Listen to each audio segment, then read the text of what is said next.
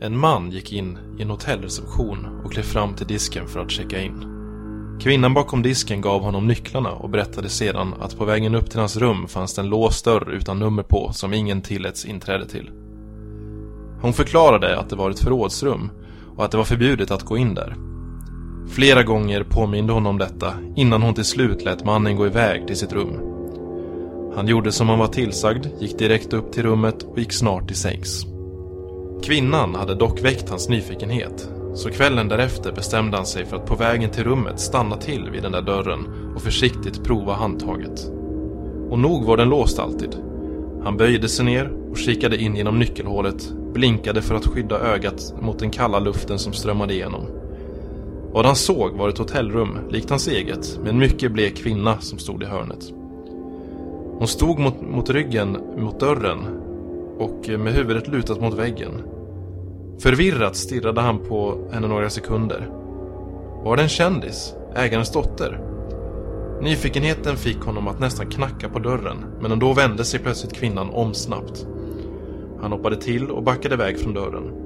I förhoppningen att hon inte skulle ha märkt att han spionerade på henne kröp han tyst därifrån och gick sedan tillbaka till sitt rum. Nästa dag kunde han inte hålla sig utan kikade in i nyckelhålet än en gång. Denna gång var allt han såg rött. Inget annat syntes än en distinkt och orörlig röd färg. Kanske hade den som bodde i rummet känt sig betraktad kvällen innan och täckt över nyckelhålet med något rött tyg, tänkte mannen.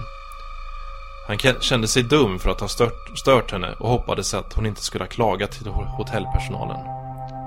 För att vara säker gick han ner och pratade med receptionisten. Hon suckade och frågade om han tittat in genom nyckelhålet och han erkände att det hade han gjort. Då kan jag lika gärna berätta historien om det där rummet för dig, sa receptionisten och fortsatte. För länge sedan mördade en man sin hustru där inne och än idag känner de sig som bor där väldigt obekväma. Mannen och hustrun såg dock inte ut som vanligt folk. De var väldigt bleka, utom deras ögon. De var helt röda.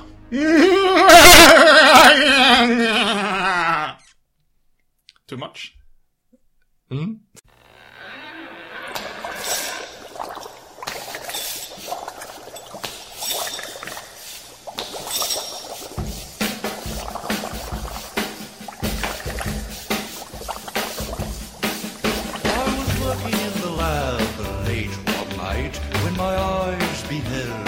Eerie sight. For my monster from his slab began to rise, and suddenly, to my surprise, He did the mash, he did the monster mash. the monster mash.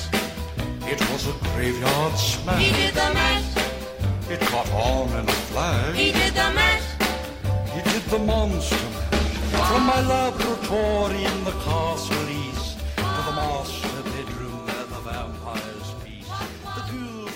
Hej och välkomna till Monsterpodden. Idag ska vi prata om monster. Jajamän, vi är tillbaka efter ett ganska långt uppehåll med teknikstrul och annat som har varit i vägen, men nu är vi tillbaka. Och nu ska ljudet vara bra också. Ja, Var det det på förra avsnittet? eh, nej, Förra avsnittet, avsnitt 18 hajar, när kom det ut? för tre år sedan tror jag. Det känns ungefär som det. Un ungefär. Ja. Det som ni hörde alldeles nyss här var en berättelse ur boken Creepypasta, spökhistorier från internet av Jack Werner. Eh, en svensk kille faktiskt.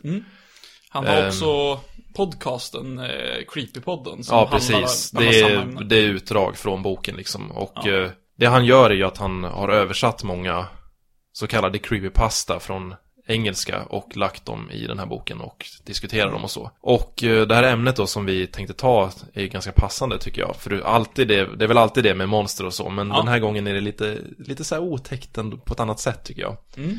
Creepypastas då. Ja, Men eh, vad är det för något egentligen? alltså det man kan, kan säga att det är, är väl egentligen vandringssägner, obehagliga vandringssägner på nätet. Mm, precis. Eh, alltså precis som, som gamla sägner spreds från mun till mun, eller så kallade råttan i pizzan historier. Spreds från mun till mun så eh, sprids de här historierna över nätet. Och det kan både vara men, regelrätta vandringssägner, det kan också vara medvetet ihopskrivna historier som är menade att, att skrämma eller skapa obehag på något sätt. Ja, precis. Det kan ju vara antingen en anekdot som berättar ur eget perspektiv. Eller så kan det även vara Ja men något, något populärt för några år sedan var ju att göra någonting kring en gammal tv-serie eller film. Att någonting inte är som det ska i en film eller så. Men för det mesta är det ju anekdoter som berättar ur sitt eget perspektiv med en Någonting otäckt som händer. Mm. Vad, va, alltså själva ordet creepypasta, vad, det, det kom ursprungligen ifrån ordet copypasta, om jag inte minns helt Ja fel. precis, Eh, det är ju ett internetuttryck då eh, Copypasta Mm. Som då syftar på copy-paste som man kan göra med en dator och Alltså just... kopiera, klistra in. Ja, precis. Eh, Men jag tror att det typ dök upp på 4chan just det här att, och det är att man kopierar någon bild eller en text liksom om och om igen på olika ställen och så. Och bara sprider eh, den vidare via, Jo, precis. mail Och då är creepypasta då berättelser som sprids vidare Mm. och Okej. utvecklas. O- obehagliga copypastas, Mm. creepy copypastas. Har du några exempel på en, på en, eh, förutom den vi just hörde här innan, innan introt, på några bra creepypasta som du minns speciellt tydligt? Alltså, det första man kanske tänker på, det är ju faktiskt eh, Slenderman. Just det, Slenderman. Den här resliga mannen i en kostym med vit hud och typ inga ansikten och så. Ofta långa armar. Ja, ibland också tentakler. Jo, som Eh, sticker ut i ryggen tror Det, jag. det, det är lite kul för att alltså, han har ju blivit så oerhört populär med senare dagar att jag tror till och med att många inte ens vet att han härstammar från en, en creepypasta ursprungligen. Nej, precis. Eh, Det har ju dykt upp spel och grejer. Det var väl mycket med dem som eh, många nog upptäckte Ja. eh, Slenderman. Så- Men eh, det är ju från början en så kallad creepypasta då, som Ja. har... Var det så du upptäckte Slenderman? Via... Ja, jag såg det nog genom spel. Ja. Och sen researchade man väl och fick vi reda på hur det var egentligen då. Ja. Men eh, det Ska, var... vi, ska, ska vi berätta lite om... om Ja, jag kan berätta om ursprungsberättelsen, Ja. hur det dök upp. Gör gärna det. Eh, Det var 2009 faktiskt som det var på ett forum som heter Something Awful. Och där var det en tävling då där folk skulle skicka in bilder med eh, redigerade bilder då med någonting paranormalt skulle man ha med. De skulle fejka spökbilder. Jo, eller precis. Fejka monsterbilder. Ja. Och då var det en eh, användare på forumet kallad Victor Surge som skickade in två styckna svartvita bilder då. Med eh, barn på. Mm. Men han hade då den här varelsen som var lång och hade en taxido på sig. Och eh, många gillade den här väldigt mycket och eh, det vart mycket diskussioner kring den och så. Det är ju, s- jag vet inte om folk liksom trodde på det för det var en tävling så. Ja, precis. Eh, men eh, det, folk gillade den som fan och jag tror namnet dök upp kring där också. Att den Ja. började kallas The Slenderman. Okej. Jag tror faktiskt att, att mitt första, min första kontakt med Slenderman var nog via de här bilderna. Inte från forumet då, men alltså att de hade spridits vidare och skrivits om på andra hemsidor vid det laget. Mm. Så att första gången jag fick se var ju de här fotografierna. Har du, har du sett dem nyligen? Eh, ja, för ett tag sedan i alla fall. Ja, de är ändå så här. jag förstår ju varför de har fått spridning. För att de är ju inte så här jättetydligt att, att det är någonting fel med dem egentligen. Utan man, man får kolla ett tag så ser man den här figuren då, den här väldigt otydliga figuren. Det är inte heller helt så klart att han har en tuxedo på sig eller en kostym på sig. Nej, Genom bilden, utan väldigt, väldigt så här dovt i, i bakgrunden bara. ja just det. Eh, vilket jag tror är en, en stor del utav den här, varför, har, varför de var så, såg som så obehagliga. Jo, det är ju en ganska lätt eh, varelse att återskapa så att säga. Det, det var ju så det blev, att många började göra egna bilder och rita egna bilder och så. Utveckla karaktären mer, att han fick tentakler, långa armar. Ja. Hur, hur han betedde sig, det dök upp liksom ursprungsberättelser. Hur, vad han är för någonting och hur han beter sig, vad han gör och så vidare. Mm. Det är Men- just det som är grejen med Creepypasta, att det tillsammans med andra människor som tar sig till det Ja. så skapas det liksom en, eh, en, eh, ja men som en berättelse som Ett faktiskt, mytos. ja men ett mytos som till slut Mm. blir vad det faktiskt är. Men det, det är just det som jag tycker är intressant med mycket creepypasta. Så att, att på, på ett sätt så är det ju ett samarbete mellan väldigt många Mm. olika författare. Alltså det, det, det är väl organiskt framväxande kultur. Att det, den fungerar inte så att någon bestämmer vad som är läskigt och sen så gör en historia om det. Utan mer att folk börjar plocka ut så här små historier som tycker är läskiga och bygger vidare på det. Jo precis, så Eh. det blir lite så här, det, någon skriver någon egen berättelse med Slenderman eh, som, där den har några speciella egenskaper eller beter sig på ett visst sätt. Ja, Så kanske inte det fastnar hos folk och den bara försvinner eller så är det en berättelse som folk gillar väldigt mycket och då blir de grejerna som sker i den kanon så att säga ja. Det blir vad som folk fortsätter använda i framtiden och det blir liksom en karaktär, karaktäristisk grej för just den här karaktären. Ja. Som fortsätter för evigt. Så det är ju lite så det funkar att någon kommer med något nytt och det blir en del av det. Och så blir det mer och mer av den här karaktären. Ja. Men, eh, men precis, jag håller helt med. Vad, jag måste fråga, eh, vad är det som eh, Slenderman sägs göra? Vad är liksom, vad är hans, hans utmärkande handlingar? Var, varför är han, är han eh, farlig? Det vet jag inte på raka arm sådär faktiskt. Okej. För Nu har jag, det var, det var ju en ledande fråga för jag har ju faktiskt läst om det här. Ja. Nej men, eh, det som han sägs göra är väl att han, han verkar kunna påverka folks minnen och eh, syn.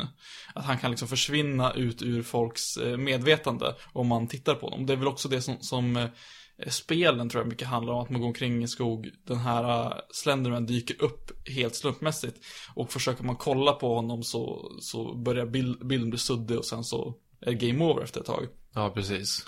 Och de här bilderna som, som lades upp, eh, texten som Victor Search skrev till handlar väl om att det var foton som hade hittats efter någon, någon brand. Eh, någon, någon biblioteksbrand eller någonting. Eh, med text på baksidan. Ja, jag kan läsa Ja, från en av dem. Mm. Uh, one of two recovered photographs from the Sterling City Library blaze. Notable for being taken the day which 14 uh, eh, children vanished and for what is referred to as the Slender Man. Deformities cited as fi- film defects by officials. Fire at library occurred one week later. Actual photograph confiscated at, as evidence. Så där har vi lite, det är alltså första posten utav Victor Search då. Eh, Ja, det är den andra då. Den första är kort och lite konstig. Men Okej. Men, men eh, sen dess har han ju fått attribut som att han, han verkar ju oftast eh, ge sig på barn, som jag fattat det. mm. Yngre människor. Eh, det finns historier där han kan stå utanför folks fönster på andra våningen och knacka på. Och det många pratar också om att det är en obehaglig varelse men som samtidigt eh, skänker någon slags tröst till de som möter han. Att det är det som är lite obehagligt, att han, han känns inte som enbart illvillig. Och jag tror också det är, precis som, som, som att bilderna är lite så här ah, obskura, det går liksom inte riktigt att, att avgöra liksom, fall det bara är ett fejkat foto eller för det faktiskt står någonting där, så är det ju på samma sätt själva gestalten ganska otydlig. Alltså vad han vill är lite otydligt och eh, hela den här ah, uppsynen av liksom en väldigt lång blek man med kostym, det är ju någonting som man skulle kunna se liksom i ögonvrån och sen bara tänka att man, man såg fel. Det är inte så galet som man skulle kunna tänka sig att ett monster skulle vara. Att han är inte den typiska besten med, med klor och tänder och röda ögon som man föreställer sig, utan fortfarande någonting som, skulle man se honom en dag, så skulle man vara osäker på om man såg ett, en, en övernaturlig varelse eller en, en människa. Ja, precis. Och lite liksom så här, ja men det är ju de flesta som skriver såna här grejer eller lyssnar på dem och gillar dem är ju medvetna om att det inte är verklighet. Liksom. Mm. Det är någonting på. Det är lite som en, ja men en eh, berättelse vid eh, brasan Ja. på ett läger liksom. Mm. Eller, eller en urban legend då, att man, man liksom släpper ner sin eh, tro så och låter att Ja men låtsas att det är på riktigt och gör att det blir mer intressant Men när man berättar det, när man lyssnar så blir man mer indragen i det mycket också vad en creepypasta går ut på. Ja, precis. Alltså jag funderar lite på också om, om, om Stanley på något sätt så här, det här jag tänker på med han, hans fina klädsel, det här trösten att han, han försöker vara snäll, att han ger sig på barn. Representerar han på något sätt en rädsla för, för pedofiler som har dykt upp på senaste århundradet? ska Det säga. kan ju lite vara det. Det här ge inte, eller säg, ge godis till ett barn Ja. och liksom, ja, det där. Ja. Glassbilen. ja, men precis. För liksom Jack Werner, han, skriver mycket i den här boken, liksom syftet till varför de här uh, historierna finns till och att jämför då med, med gamla, gamla folksägner, eller gamla folksagor då, där de här historierna finns till för att de representerar någon slags skräck eller oro som fanns på den tiden kanske liksom, gå inte in i skogen själva. Eh, medans nu så har vi nya rädslor, nya saker som det står om i tidningarna som vi är rädda för. Och på så sätt så, så ja, bland annat det här som man läser mycket om, om eh, farliga pedofiler som kanske jagar efter barn. Ja. Och att på någonstans, det kanske inte att det är medvetet framplockat, men på någonstans, i någon nivå av vårt medvetande så är han ändå liksom en personifikation eller liksom en, en, eh, en ikon för liksom den här pedofilrädslan lite grann. Mm. Och jag funderar också lite på om, om det kan vara, när jag tänker vidare på det här med att ja, men han, han skänker någon slags tröst, han är liksom så här eh, lugn, eh, han är liksom välklädd men har liksom ingen ide- identitet, om det liksom på något sätt representerar människor i vår omgivning i allmänhet. Liksom. Vilka kan vi faktiskt lita på? Liksom. Just vad det är som döljer sig när vi inte kanske kan läsa av alla människor. Mm. Eh, Om man ska ta det ännu mer aktuellt eller modernt så kan man ju tänka också att det är en anonym person på internet på ett sätt Ja. också. Att det är lite otäckt så, att man pratar med någon på internet men man vet inte vem den är för man kanske inte har sett den. Mm. På ett forum där det inte är en bild på personen liksom. Nej. Och den kan bete sig konstigt och kanske är trevlig men ändå så här, det är otäckt. Ja, precis. den Det inte, är ju, det är ju så, Man vet inte vem det är. Det är ju att så att eh, det är ju internet som är den nya mörka skogen. Mm. Eh, där vi inte riktigt vet vad som döljer sig. För att samtidigt som vi känner oss mer och mer trygga på internet så växer ju internet mer och mer och allting finns ju egentligen på, Mm. på internet. Och det finns många creepypasta som, som kretsar kring just den idén om att internet är snarare, ja, i stort sett oändlig och allting går att hitta där. Det går liksom att hitta saker inom deep web och andra Jo, vissa Medel. brukar använda det som att eh, internet är som ett väsen, lite så här Cthulhu-aktigt, att det är något kosmiskt väsen som Ja. kan eh, ta reda på saker och ting om dig. Eh, Ja, som det egentligen kan då, att folk kan ta reda på saker om dig Mm. på internet, men att internet själv gör det. Och Ja. Eh, den vet saker på grund av att du har gjort saker på datorn liksom. Och Ja. kan ta reda på information, så här, detaljer ur ditt liv som du inte har berättat för någon, men kanske för att den har sett Ja. det, så att säga. Det, är- det är väl till en viss del befogad rädsla måste jag ändå Mm. säga liksom att det, vi, vi vet ju mer och mer liksom, eller ja, internet vet ju mer och mer om oss. Mm. Det är liksom ganska svårt att, att liksom rensa bort det, det liksom avtryck man gjort på internet liksom efter så många år. Samtidigt så i och med att nästan alla människor finns på internet nu så kan man ju fråga liksom i hela det här havet av liksom information om människor, hur, hur stor roll spelar det om, om lilla jag finns där också. Ja. Men, men åter till, till uh, Slendermannen. Ehm, det har väl gjorts någon nå så här eh, YouTube-serie om man också, bland annat eh, en som heter Marble Hornet som ska vara Ja, just det. Nej men det ska vara en, en, en YouTube-serie som heter Marble Hornet som gjordes bara, började göras bara några dagar efter att eh, den här första posten, Victor Surge, eh, lades upp. Det är så att det handlar om en man vars eh, kompis eh, lämnar honom massa videokassetter från ett filmprojekt som han håller på med som han säger åt att men du, du måste bränna det här liksom, jag kan inte ha med det här att göra. Och den här äh, mannen då, killen, börjar då kolla igenom de här kassetterna och börjar luska ut i vad är det som faktiskt händer eh, i de här. Och här får ju Slenderman vissa övernat- andra övernaturliga drag som att kunna liksom påverka liksom material på, på filmkassetter och, och dylikt. Jag vet inte hur lång den har varit, men eh, jag vet att den var otroligt framgångsrik och anses vara en av de eh, populäraste gestaltningarna utav Slenderman Mm. i, inom alla medium. Eh, och jag läste någonstans att eh, YouTube-kanalen hade över 300 000 följare. Mm. Så att, jävlar anamma vilken, vilken serie det verkar vara. Ja. Eh, sen om man ko- väljer att kolla på den här nu efter att ni hört det här, så är väl produktionskvaliteten sådär, får man säga. Det är väl tanken att det ska kännas väldigt hemmagjort, och det gör det ju. I och med att det, ingen av de här är ju faktiskt eh, utbildade skådespelare, så vitt jag vet. Utan det är någonting som är väldigt hemmagjort. Men kul ändå att de har kört det här hela vägen, liksom. Och Mm. varit ganska eh, trogna till källmaterialet, som jag uppfattat det. Ja, och sen var det ju efter det som det började dyka upp spel, vad jag fattar. Ja. Eh, till exempel att det finns en fiende i Minecraft som heter Enderman. Mm. Som är lite lik, den är typ stor och svart och otäck. Och den går ut så att om man tittar på den så kommer den typ närmare och den kan typ plocka undan, alltså förstöra omgivningen på ett väldigt märkligt sätt. Kom, Det har ju Marcus eh, Notch Persson typ sagt att det, han har ju sagt att det är det liksom. Och sen kom det ju spelen som Slender Date, Pages och eh, lite liknande, typ Slender The Arrival och sånt. Ja. Slender Arrival vet jag finns på Playstation. Mm. Det har jag sett. Eh, jag tror att, att den som bara heter Slender, när den kom som något slags, som slags betaversion, så det var den första som jag såg.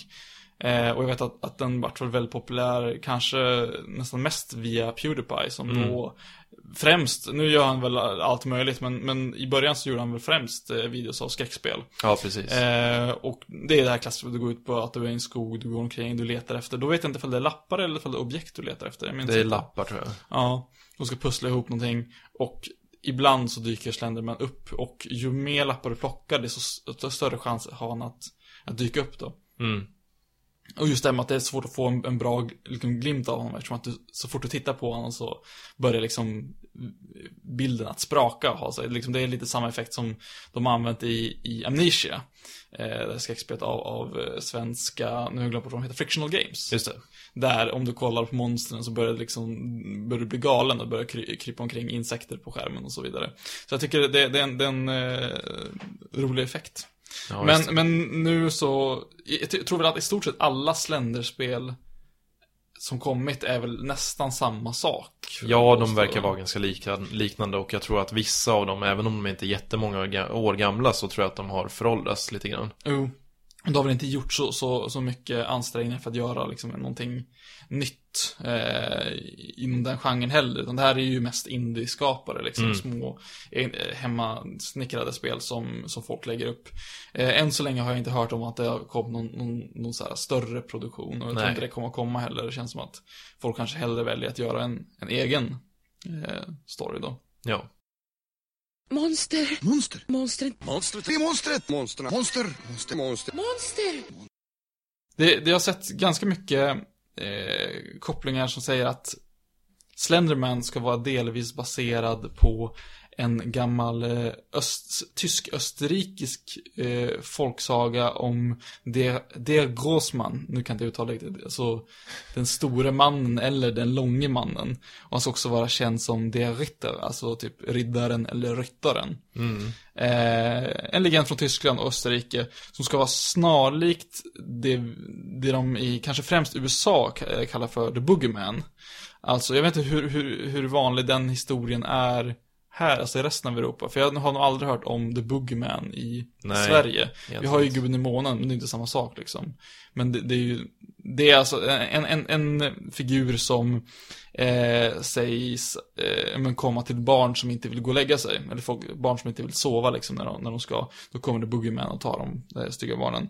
Och likadant så, så sägs den här Grossman vara eh, någon, eh, en, en slags, han beskrivs som en elva ifrån Schwarzwald, alltså den svarta skogen i Tyskland. Eh, som hemsöker barn som inte vill gå och lägga sig eller vara ute sent på kvällen. Däremot, och det, ja, det sägs också att det finns massa så här, gamla träsnitt från, jag tror att det är 1500-talet, eh, på den här äh, figuren då. Eh, men de flesta som jag har kollat på har, liksom, har ju blivit ändrade eh, i efterhand, liksom omritade och sånt. Ofta, ibland ganska bra, liksom väl, välgjort, men det är fortfarande att jag har inte hittat någon, någonting som faktiskt styrker den här Grossman-historien, att det faktiskt ska vara. Men jag har hört både från, ja men, tyskar och österrikare liksom, att ja, men, vissa säger att det här är en riktig historia, folksaga. Och vissa som säger att nej, men det här är, det är helt påhittat. Så jag är inte helt säker, men det pekar ju åt att det här liksom är en del, helt enkelt bara i eh, creepypastan. Ja, absolut. Däremot så, när jag kollade upp den här bakgrunden till, till Slenderman, så finns det en, eh, en eh, gammal eh, visa, eller en, en dikt av Goethe. Som Mm. heter Der Erlkönig, König. Som sagt, min tyska är ganska sämst, men Der Erlkönig, eller Erlenkönig, som på svenska blir eh, eh, Alvkungen. Mm, jag tror att man uttalar det Älvkönig, faktiskt. Är det så? Erlkönig. Den här har jag läst på svenska vet jag också i, i skolan en gång i tiden. Och det handlar alltså om en man som rider med sin, sin son. Som verkar, enligt den här historien då, vara väldigt sjuk, alltså febrig. Och eh, pappan undrar, men varför gömmer du ditt ansikte liksom son? Vad, vad är det som du är rädd för? Och så säger han, men ser du inte alvkungen komma liksom ridandes efteråt? Eh, så att den här alvkungen sägs kunna representera febern som den här pojken har, att han börjar hallucinera eller att han liksom, bara hur han upplever liksom den här eh, stadiet mellan liv och död. Eh, att döden kommer som alvkungen och rövar bort den här stackars pojken då. Eh, och många har, har då liknat den här eh, Erlenkönig vid eh, just Slenderman, hans sätt att eh, kidnappa barn eller liksom söka efter barn och lova någonting, eh, någonting fint i slutändan. Ja, han, han lovar eh, att men, du kommer inte ha ont om du kommer med mig. Mm. Precis som Slenderman lovar att ja, men, han skänker någon slags lugn liksom. Och den här historien då ska vara baserad på en dansk folkvisa eh, vid namn Elveskor. eh, och han målas ofta upp att ha förmågor som liknar de, de eh, mytiska älvornas. Som att kunna påverka folks minnen, kunna få, påverka folks syn, att liksom ge sig på barn, att kunna eh, men röva bort barn utan att lämna något spår också det här liksom, att de, de lovar någonting, någonting fint. Så att många har jämfört honom med att han, eller har byggt in lite grann i myten så att kan man säga att han kanske är en kvarlämna av en gammal svartsvaldspöke. Ja, just det. Så det är intressant. Slenderman är faktiskt rätt så häftig tycker jag. Det är en av de starkaste. Alltså den är en av de tydligaste creepypastorna Han har ju blivit ikonen för. Ja, just för att det är en väldigt tydlig figur. Mm. I många creepypasta är det inte alltid en figur, utan det är någonting annat. Nej. Och så det här är en väldigt tydlig sån Ja. galjonsfigur för sånt här. Har du, har du sett eh, några fler så här liknande figurer? För jag vet att under en period så har har många velat skapa en ny Slenderman lite grann. Att folk har satt sig och, och försökt skapa ett monster genom att men, ta det de tycker är obehagligast. Men det har mest blivit något, så här typ Hollywood wannabe monster. Alltså jag tror att när folk försöker konstruera det medvetet, folk är inte så medvetna om vad de är rädda för tror jag. Nej, det Ja. blir liksom bara kopior känns det som. Ja, det finns något, jag vet inte vad det heter, men något, något vitt monster som går på fyra ben som har långa klor och tänder som sägs vara någon sorts tvilling till Slenderman, men jag kommer inte riktigt ihåg. Mm. Nej, ja, det blir aldrig riktigt lika bra Nej. helt enkelt. Skorgoramonster, kolgamonster, sorgoramonster, skorgomonster, folgamonster. Ja, men Eh, vidare från Slenderman, vad har vi härnäst? Eh, som jag sa tidigare så är det ju många creepypastor som är så att de, det brukar kallas lost episode, att det är någonting i en tv-serie, kanske att de, någon har hittat ett avsnitt från Simpsons som är väldigt märkligt med konstig bild och någon dör och grejer. Eller från olika tv-serier. Men eh, en som jag gillar väldigt mycket som är lite liknande, som handlar om just tv, tv-mediet, det är Candle Cove. Oh, just det. Mm. Det är då en berättelse av en som heter Chris Straub. Där det är en eh, snubbe som... eh, Eller det är någon som berättar på ett forum liksom att så här, jag har sett en... Jag har sett ett tv-program någon gång på 70-talet sådär på någon kanal. Jag vet inte vilken det var. Det var i alla fall eh, någon piratserie. Eh, Det var någon härlig låt i början och det var Det så här, var, var do- med dockor va? Jo, precis, med ja. dockor. Och folk började liksom fortsätta i forumet att ja, men eh, det här känner jag igen. Jag vet inte alls vad det var. Det kan ha varit den här kanalen, för det hade jag liksom. Och det kan ha körts den här dagen. Och så Mm. kommer någon och säger att det var någon otäck scen med något skelett som dök upp och var jättemärkligt och sa Ja, massa precis. otäckt så Att, eh, de, de, de, liksom, det börjar ju ganska, ganska oskyldigt egentligen att de pratar om den här piratserien. Så att, ja, men det var lite obehagligt för att det var dockor och Jo, precis. som hade, det var så här billigt att så här, de, de, någon, någon pirat eh, såg ut att vara gjord av olika delar från olika eh, dockor. Liksom. Han hade ett Ja. porslinshuvud och en plastarm och så här. Och att bå- båten åkte omkring, jag gjorde skumgummi och hade ett obehagligt ansikte som typ bara liksom gapade med Jo, precis. tänderna. Och sen mot något avsnitt så är det typ, någon kommer ihåg att den, det var något avsnitt där det var massa barn som bara typ skrek i bakgrunden Ja, i ett helt avsnitt. Att- Och sen slutar ju den här berättelsen då. Eh, som sagt, det är ju liksom inte ett riktigt forum, utan berättelsen är skriven som att det Mm. är forum så. Och då är det en som berättar att när den satt och tittade på det här, eh, eller att den berättade för någon förälder lite sen, några år senare att, Mm. eh, ja minns du den här serien Candle Cove som jag brukar titta på? Och då berättar den här föräldern eller morföräldern vad det var att eh, Ja men eh, det minns jag så här, men jag, jag vet inte om den fanns för du var ju så Du satt där framför tvn med eh, Myrornas krig på Och sjöng dina små sånger och hade dina egna karaktärer och så Som att alltså att den här serien inte fanns utan den här personen bara satt och skapade det i huvudet Ja. Men ändå att många andra upplevt samma upplevt det Ja. Jag gillar alltså, den alltså det här, den här äh, historien är faktiskt en av de creepas som gett mig absolut mest rysningar och obehag när jag har läst den. Just för att första gången jag kom över den här historien så hade någon, jag tror inte jag, jag fick veta vad det var för, så någon hade bara länkat och sen återskapat den här äh, dialogen som förs i historien som faktiska forumposter. Som hade typ gjort fejkade skärmdumpar av liksom, en fake forum där de här liksom byttes ut. Och den är ju uppbyggd som jag tycker den är väldigt bra liksom, att den man, man kan ändå föreställa sig den serien framför sig när man, när man hör om den. Att ja, det är lite billigt, det är lite obehagligt för att det är dockor. Och, eh, och sen började det komma liksom så någon, någon skurk som, som har eh, kläder som ser ut att vara gjorda av liksom hudar. Jo, Men det är så här, ingenting sägs rakt ut. och sen det här känna igen sig att man faktiskt minns någon tv-serie som man inte riktigt kan komma på vad den Ja. heter eller vad det var för någonting. Men man minns henne så tydligt att den Ja. fanns. Och det är först liksom så här äh, riktigt i slutet som den faktiskt går över gränsen och blir liksom en, en skräckhistoria. Att fram, tills, fram tills dess så är man liksom ganska lätt att, att tro på den. För att, jag menar, jag är ju själv halvt uppvuxen kan man säga. Men att med obehagliga äh, barnserier. Eh, kanske inte för att de visades i så stor utsträckning när jag var liten, men, men ändå vissa serier som visades i repris eller visades under min, min ungdom eh, har lämnat djupa eh, spår i mig. Eh, Skrotnisse. Ja, just det. Det är många som minns den Ja, som väldigt otäck. Jag satt och kollade, jag kollade lite klipp på YouTube nu på Skrotnisse. Så otroligt obehagligt. Alltså, Så jag tycker att det är fantastiskt, men det är ju kanske för att jag är vuxen nu och tycker Ja. att jag älskar dockfilmer liksom överhuvudtaget så. Ja. Och den är ju charmig på sitt sätt, men det är ju en liten obehaglig stämning över det. Ja. Och just det här med att, att kanske sägs vara från, från 70-talet för att de flesta liksom, serier som jag nämner här är från 70-talet och, och framåt. Eh, till exempel så Vilse i pannkakan, Lillstrump och Syster Yster, eh, Skrotnisse har jag skrivit här också. Och en så, eh, och alla de här är ju liksom med dock, handdockor eller, eller dylikt och alla är väldigt obehagliga. Och en scen från en serie som jag minns absolut tydligast av alla, det är mardrömsscenen ifrån den eh, leranimerade Pingu. Okej. Och du, nu, nu så tror inte du har sett det här kanske? Alltså jag har ju sett Pingu väldigt mycket, men eh, jag minns, in- minns inte det här, att jag Nej. sett något sånt. I, I avsnittet Pingus Dream så börjar... nu skrattar du. Nu skrattar Anders åt mig här.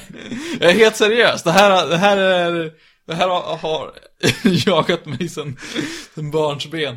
I avsnittet Pingus Dream, då hans eh, säng får jättelånga så här, eh, ben och börjar vandra ut ur hans iglo. Eh, så stöter han vid en, eh, eh vid ett tillfälle på en jättelik valross som ser ut så här, eh, ett obehagligt designad med så här eh, skelande svarta ögon och liksom själva lysten på honom ser nästan ut som att det är en sån här Alltså typ mumifierad hy, någonting som har legat för länge liksom i isen och liksom fått så här frostskador, är lite så här utmärglat. Och den här eh, valrossen bara leker med honom och skrattar otroligt obehagligt och äter upp hans säng och så här.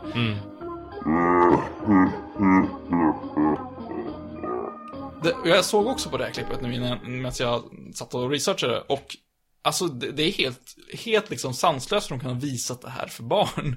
Liksom helt out of the way. Så att jag är liksom, när jag läser den här Kanal K så kommer jag ju tillbaka till det här. Allt jag har sett, allt det här jävla skrotnisse och skit. Och liksom allt det här blir ju trovärdigt då i och med att jävligt obehagliga saker har ju gjorts i liksom syftet att underhålla barn. Eller hur? Eh, ja, Du håller inte absolut. med? Jo, jo.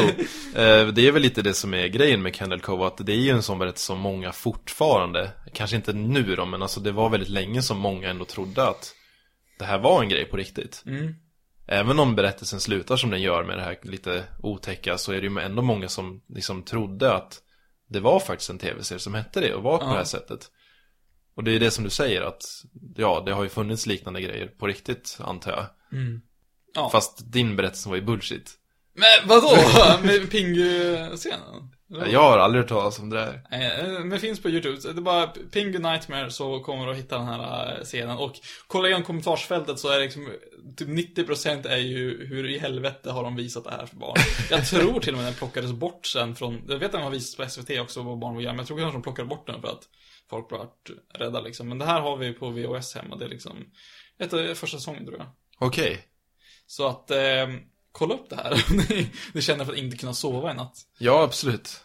Rymdmonstret. Monstret. Monster. Monster. Elektriskt monster. Elektriskt monster. Men jag kommer att tänka på i med Kanalkov, kommer ihåg, eh, eller har du läst om den här Cry Baby Lane? Ja, det har jag, det har jag. Vi kan prata lite kort om den, för det var ju en serie som visades på, eller en, en film var det kanske till och med.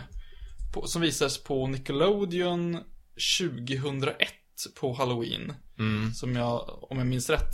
Och eh, den här eh, filmen sägs då att det var väldigt många föräldrar som ringde in och klagade liksom, eller skickade in och klagade på att den här var alldeles för obehaglig och att den hade skrämt upp deras eh, barn. Så att de, de mörkade den här filmen efter det och liksom, den kom aldrig ut på, på VHS eller DVD liksom, och visades aldrig igen. Eh, och på samma sätt som i, i det här Candle Cove historien så började folk fråga, men, men vart, vad hände med Crybaby Lane? Är det liksom någon som minns den? Och vissa trodde ju bara att det var fake för liksom det fanns ju inget bevis kvar för att Nej. det funnits. Många minns väl det som att det var väldigt otäcka scener och att den var faktiskt så hemsk så att det är vettigt att den plockades bort. Ja. Men sen dök den väl upp, det var väl någon som letade upp Ja. den här och faktiskt hittade ett ex som nu är släppt. Det, det, det som, ska vi ta det lite från början liksom att när de sökte efter det här så började ju fler och fler liksom att, att sluta upp i det här och eh, Folk var ju övertygade om att den fanns för att så många hade sett den, men de hittade ingenting som tydde på att, att den fanns. Eh, Nickelodeon förnekade att den här filmen existerade.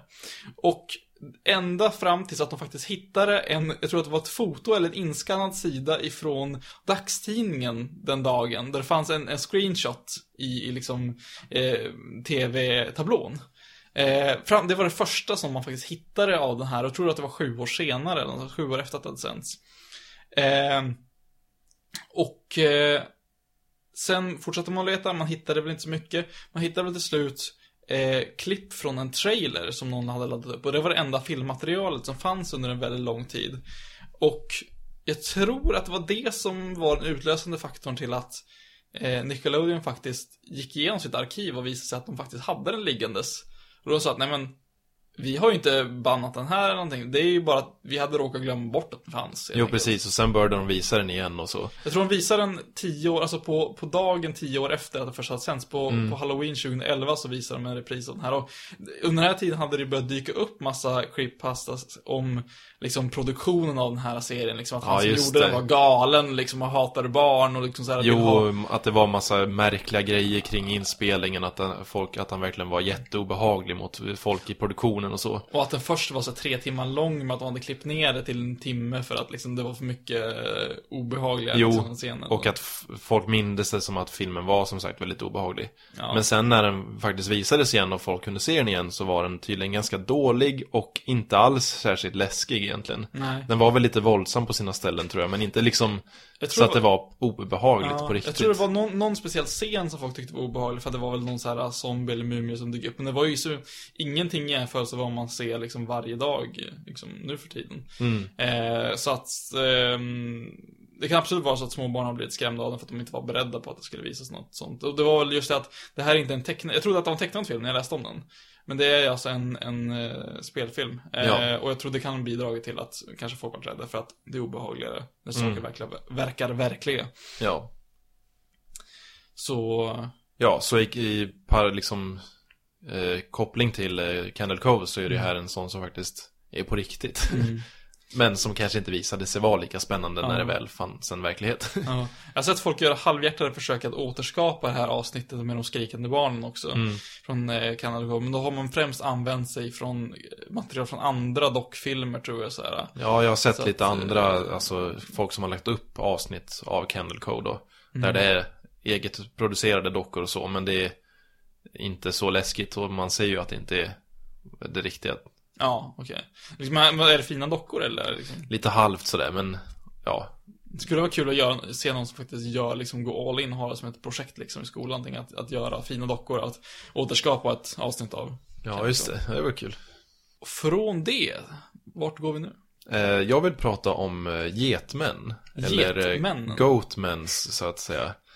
Snackade Eh. vi inte lite om, om, om Goatman i något avsnitt? Att han satt under en bro och eh, slängde av eh, människor. Jo, det är ju den varianten av getmän som är en sån urban legend. Ja. Men eh, den här creepypasta-varianten är ju en som har, det finns väldigt mycket olika berättelser om på internet som folk har skrivit. Eh, och de har ofta dykt upp på forum som Forsen eller liknande med väldigt så här es- enkelt språk. Att det är, det är inte som berättat på ett fint sätt utan det är mer bara Vi gjorde det här, sen kom det här, där, där, där. Så, berätta liksom eh, förutsättningarna. Ja. Eh, och i de berättelserna så är det ju mycket, det är ofta att ett gäng kompisar är ute i skogen. Eh, de har det trevligt och så. fast det är en, ett exempel jag har så är det ju att en, det är en i gänget som inte är jättebra kompis med dem. Okej. Och eh, det är väl lite så här relationer och sånt som han gillar någon tjej som är ihop med någon annan och det blir lite så här Okej, tokigt. lite, lite såhär Ja. ty, typiskt tonårstriangeldrama. Jo, precis. Och sen vill väl han typ gå i, eller han, huvudpersonen då träffar den här personen och han säger att han vill åka hem. Han åker hem, men sen kommer den här personen tillbaka och det är just det här som brukar vara i Getmännen, att det kommer en person tillbaka som kanske gick iväg en stund. Mm. Den kommer tillbaka och beter sig lite annorlunda. Den kanske Okej. är lite tyst. Den kanske säger konstiga saker eller vill att man ska Ofta vill att man ska följa med någon annanstans. Oftast att den vill ta med en person ensam någonstans. Ja. Och eh, i just det här exemplet så är det väl att det händer massa obehagligt och sen när de väl kommer hem så träffar de den här killen och liksom de snackar så här, varför åkte du iväg i, i, liksom i natt så här? Det var ju jävligt otrevligt att du bara drog så där. Och då säger han, men vad fan, jag var inte alls liksom eh, Jag drog inte alls iväg. Jag eh, fick typ stå här ute i skogen skitlänge och tog mig till slut hem så här. Eh, Så att den berättelsen inte alls klatschar med det som de var med om. Att den här personen var här och betedde sig lite märkligt. och är det inte så att det ofta så, så har den här andra personen som då men, berättar det här att han, men jag åkte ju hem liksom. Att han har Ja, jag åkte träff- hem till slut så här, Ja. ändå. och Att han har träffat någon annan person som också betett sig konstigt som i själva verket skulle ha varit där borta liksom, den här Mm. campingen eller vart som var. Ja. Eh, ja. Så Men det är ju varför- liksom en get, att det som getmännen gör är väl att de tar över en annans eh, personlighet och utseende. Ja. Och är där och är väldigt otäck eller märklig för att den vill väl typ äta folk. Men Ja. det är ju just det här att det är lite det här uncanny valley-grejen att det är någon person i närheten av en som man känner men den är inte riktigt som den ska. Ja. Och egentligen är den ett jävla monster som vill typ ha ihjäl en. Ja. Nej men, nej, men eh, jag tycker ändå att det är intressant. Det känns som ett klassiskt koncept det här med body snatcher på något sätt. Och utav de historier om, om de här getmän som jag har läst så, det som jag tycker är fint är väl att det är sällan som de faktiskt blir liksom brutalt mördade eller något sånt. Det är alltid lite så här eh, på, på gränsen till att Ja men precis, det är sällan det händer någonting jättefarligt utan det är Ja. mest bara det här Och som sagt, ofta är det ett gäng ungdomar som är ute och Mm. kampar så Att det kanske händer någonting väldigt eh, läskigt eller otäckt Ja. så men man får aldrig riktigt se varelsen och man får inte heller riktigt se att den gör någonting jättefarligt Det- så, dödar eller an- skadar någon antyds snarare. Precis, liksom. utan det är mer att ja, den där personen är inte den personen som vi tror att det är Ja. Att så här, jag läste någon historia då, då han hade, den här personen kom tillbaka och typ slängt någon, någon skjorta som var trasig som han hade haft på sig när han kom dit och han fick ingen förklaring liksom. Men varför? Vad hände med den här skjortan? Men sånt, små, små saker. Och jag tycker Mm. att, att det är fint i de här historierna när karaktärerna ändå beter sig lite grann som man själv skulle ha gjort. Att man ständigt ifrågasätter det här och försöker hitta ett rimligt svar på varför personen i fråga beter sig så. Jo, precis Eh, Att han alltid tänker, ja men det är bara för att han, han mår inte bra, för att han kanske är lite full, eller att han kanske bara är liksom svartsjuk på den här eh, killen och tjejen, eller att, eh, ja men han fått solsting, vad som helst. Mm. Och det går väldigt långt innan den här, eh, den här berättaren eh, kanske inser att, ja men någonting jävligt har hänt här och liksom bestämmer sig för att liksom ta avstånd från den här personen. Det är ofta så det liksom Jo, slutar. Och det är ju lite så här Slenderman-aktigt att det är någon som man inte riktigt vet vad den är. Alltså det är ett mystiskt väsen som egentligen kanske inte vill en ont men eller det kanske den vill, men alltså att den Mm. den är där på ett väldigt mystiskt sätt Ja. i omkring en. Och det är lite osäkert vad den vill och vad, Var den kommer ja, ifrån. var, var den kommer ifrån Ja. och så. Ja. Det är så här, jag läste också, de skrev om i den här boken då, eh, Creepypasta-boken, eh, lite om vad man tror bakgrunden, eller idén bakom det kan vara, att, alltså vart rädslan ligger och de talar bland annat om våran, vårt sökande efter en, en identitet. Mm. Nu liksom idag då vi har liksom sociala medier och vi har eh, väldigt stort utbud av liksom media genom tidningar och, och tv och allt möjligt. Eh, och att det blir svårare och svårare att definiera oss själva i liksom en sån stor grupp. För människor är inte gjorda för att hitta en plats i liksom en grupp på flera miljoner människor. Vi är gjorda för att leva i kanske stammar på Ja, just det. 20 till 100 personer och där har liksom en speciell roll. Att de här getmännen då, som förändrar en persons ehm, beteende eller personlighet. Eh, när de här berättarna då sluter samman med varandra och säger men är han inte konstig, det är inte bara jag som är konstig. Så bekräftar man varandras identiteter på ett sätt. De bekräftar att jag är jag liksom. Att den utforskar, idén utforskar lite om vad är det som gör mig till mig liksom. Att om vi har någonting som kan, om, om vi kan uttyda att en annan person inte är sig själv, så finns det också, det är också en bekräftelse i det, liksom att jag är här, jag finns, jag tänker, jag är. Eh, och det tycker, jag, det tycker jag är väldigt intressant faktiskt. Eh, sen, hur mycket som faktiskt ligger i det är jag osäker på, men jag gillar eh, tanken i alla fall. Ja, verkligen. Men varför i hela fridens namn kallas de för getmän? Det har jag inte riktigt greppat. Vart kommer getterna in i bilden? Jag vet inte riktigt. Det är väl typ någon form av... Alltså, det har väl att göra med någon sägner tror jag. Ja. Att det är liksom... Men vänta, var det inte, var det inte något foto som hade dykt upp på en, en man i en getkostym som gick omkring på en slätt bland massa getter. Han hade såhär någon, någon något eh, fårskinn och horn och liksom såhär, någon, någon såhär fake getfötter på sig. Ja, just det. Eh, och och det var väl bara något experiment han gjorde Nej typ. men så här, det det, så här var det att, att det här fotot spreds ju och folk började prata om The Goat Man och liksom på nå, någonstans på vägen så delade sig den här historien och blev eh, den här eh, body shifters eller body snatchers som vi, vi pratade om just. Eh, och att på något sätt det här är liksom deras riktiga form, de här get, som ser ut som getter då. Ja. Men eh, sen till slut så kommer ju den här personen i getdräkten fram och berättar att det här, det här är bara jag som testar min getdräkt inför liksom getjakten. För att det är visst inte så ovanligt att man klär ut sig liksom i så här djurdräkter för att komma nära eh, getterna när man ska liksom jaga dem. Eh, och det var hela historien bakom det här eh, fotot. Eh, kä- känns väldigt löst kopplat till, till idén om eh, body snatchers, men eh, jag tror att det är därifrån som det härstammar. Ja, precis. Eh, det, ja, det finns ju mycket roliga sådana berättelser. Eh, det är någon jag minns lite löst det där som är med två kompisar som är ute i en eh, husbil tror jag, utanför deras hus och spelar typ gamla spel. Och sen är det väl att han, ena killen ska gå på toaletten Just det, för de har en stuga i närheten ja. Ja, 30 meter bort. Mm. sådär. Och han ska gå på toaletten och sen tar det väl jättelång tid innan han kommer tillbaka tror jag. Så den andra Mm. killen går ut och kollar. Och sen kommer väl den här killen eh, någon annanstans ifrån och börjar bete sig märkligt. Mm. Något sånt. Och, vill, och ofta, ofta det här som, som berättar att följ med mig hit bort ut i mörkret. Jo, precis. Det är så här, och sen jag för mig att han sprang förbi den här, den här kompisen och killen som det handlar om och till sin mamma.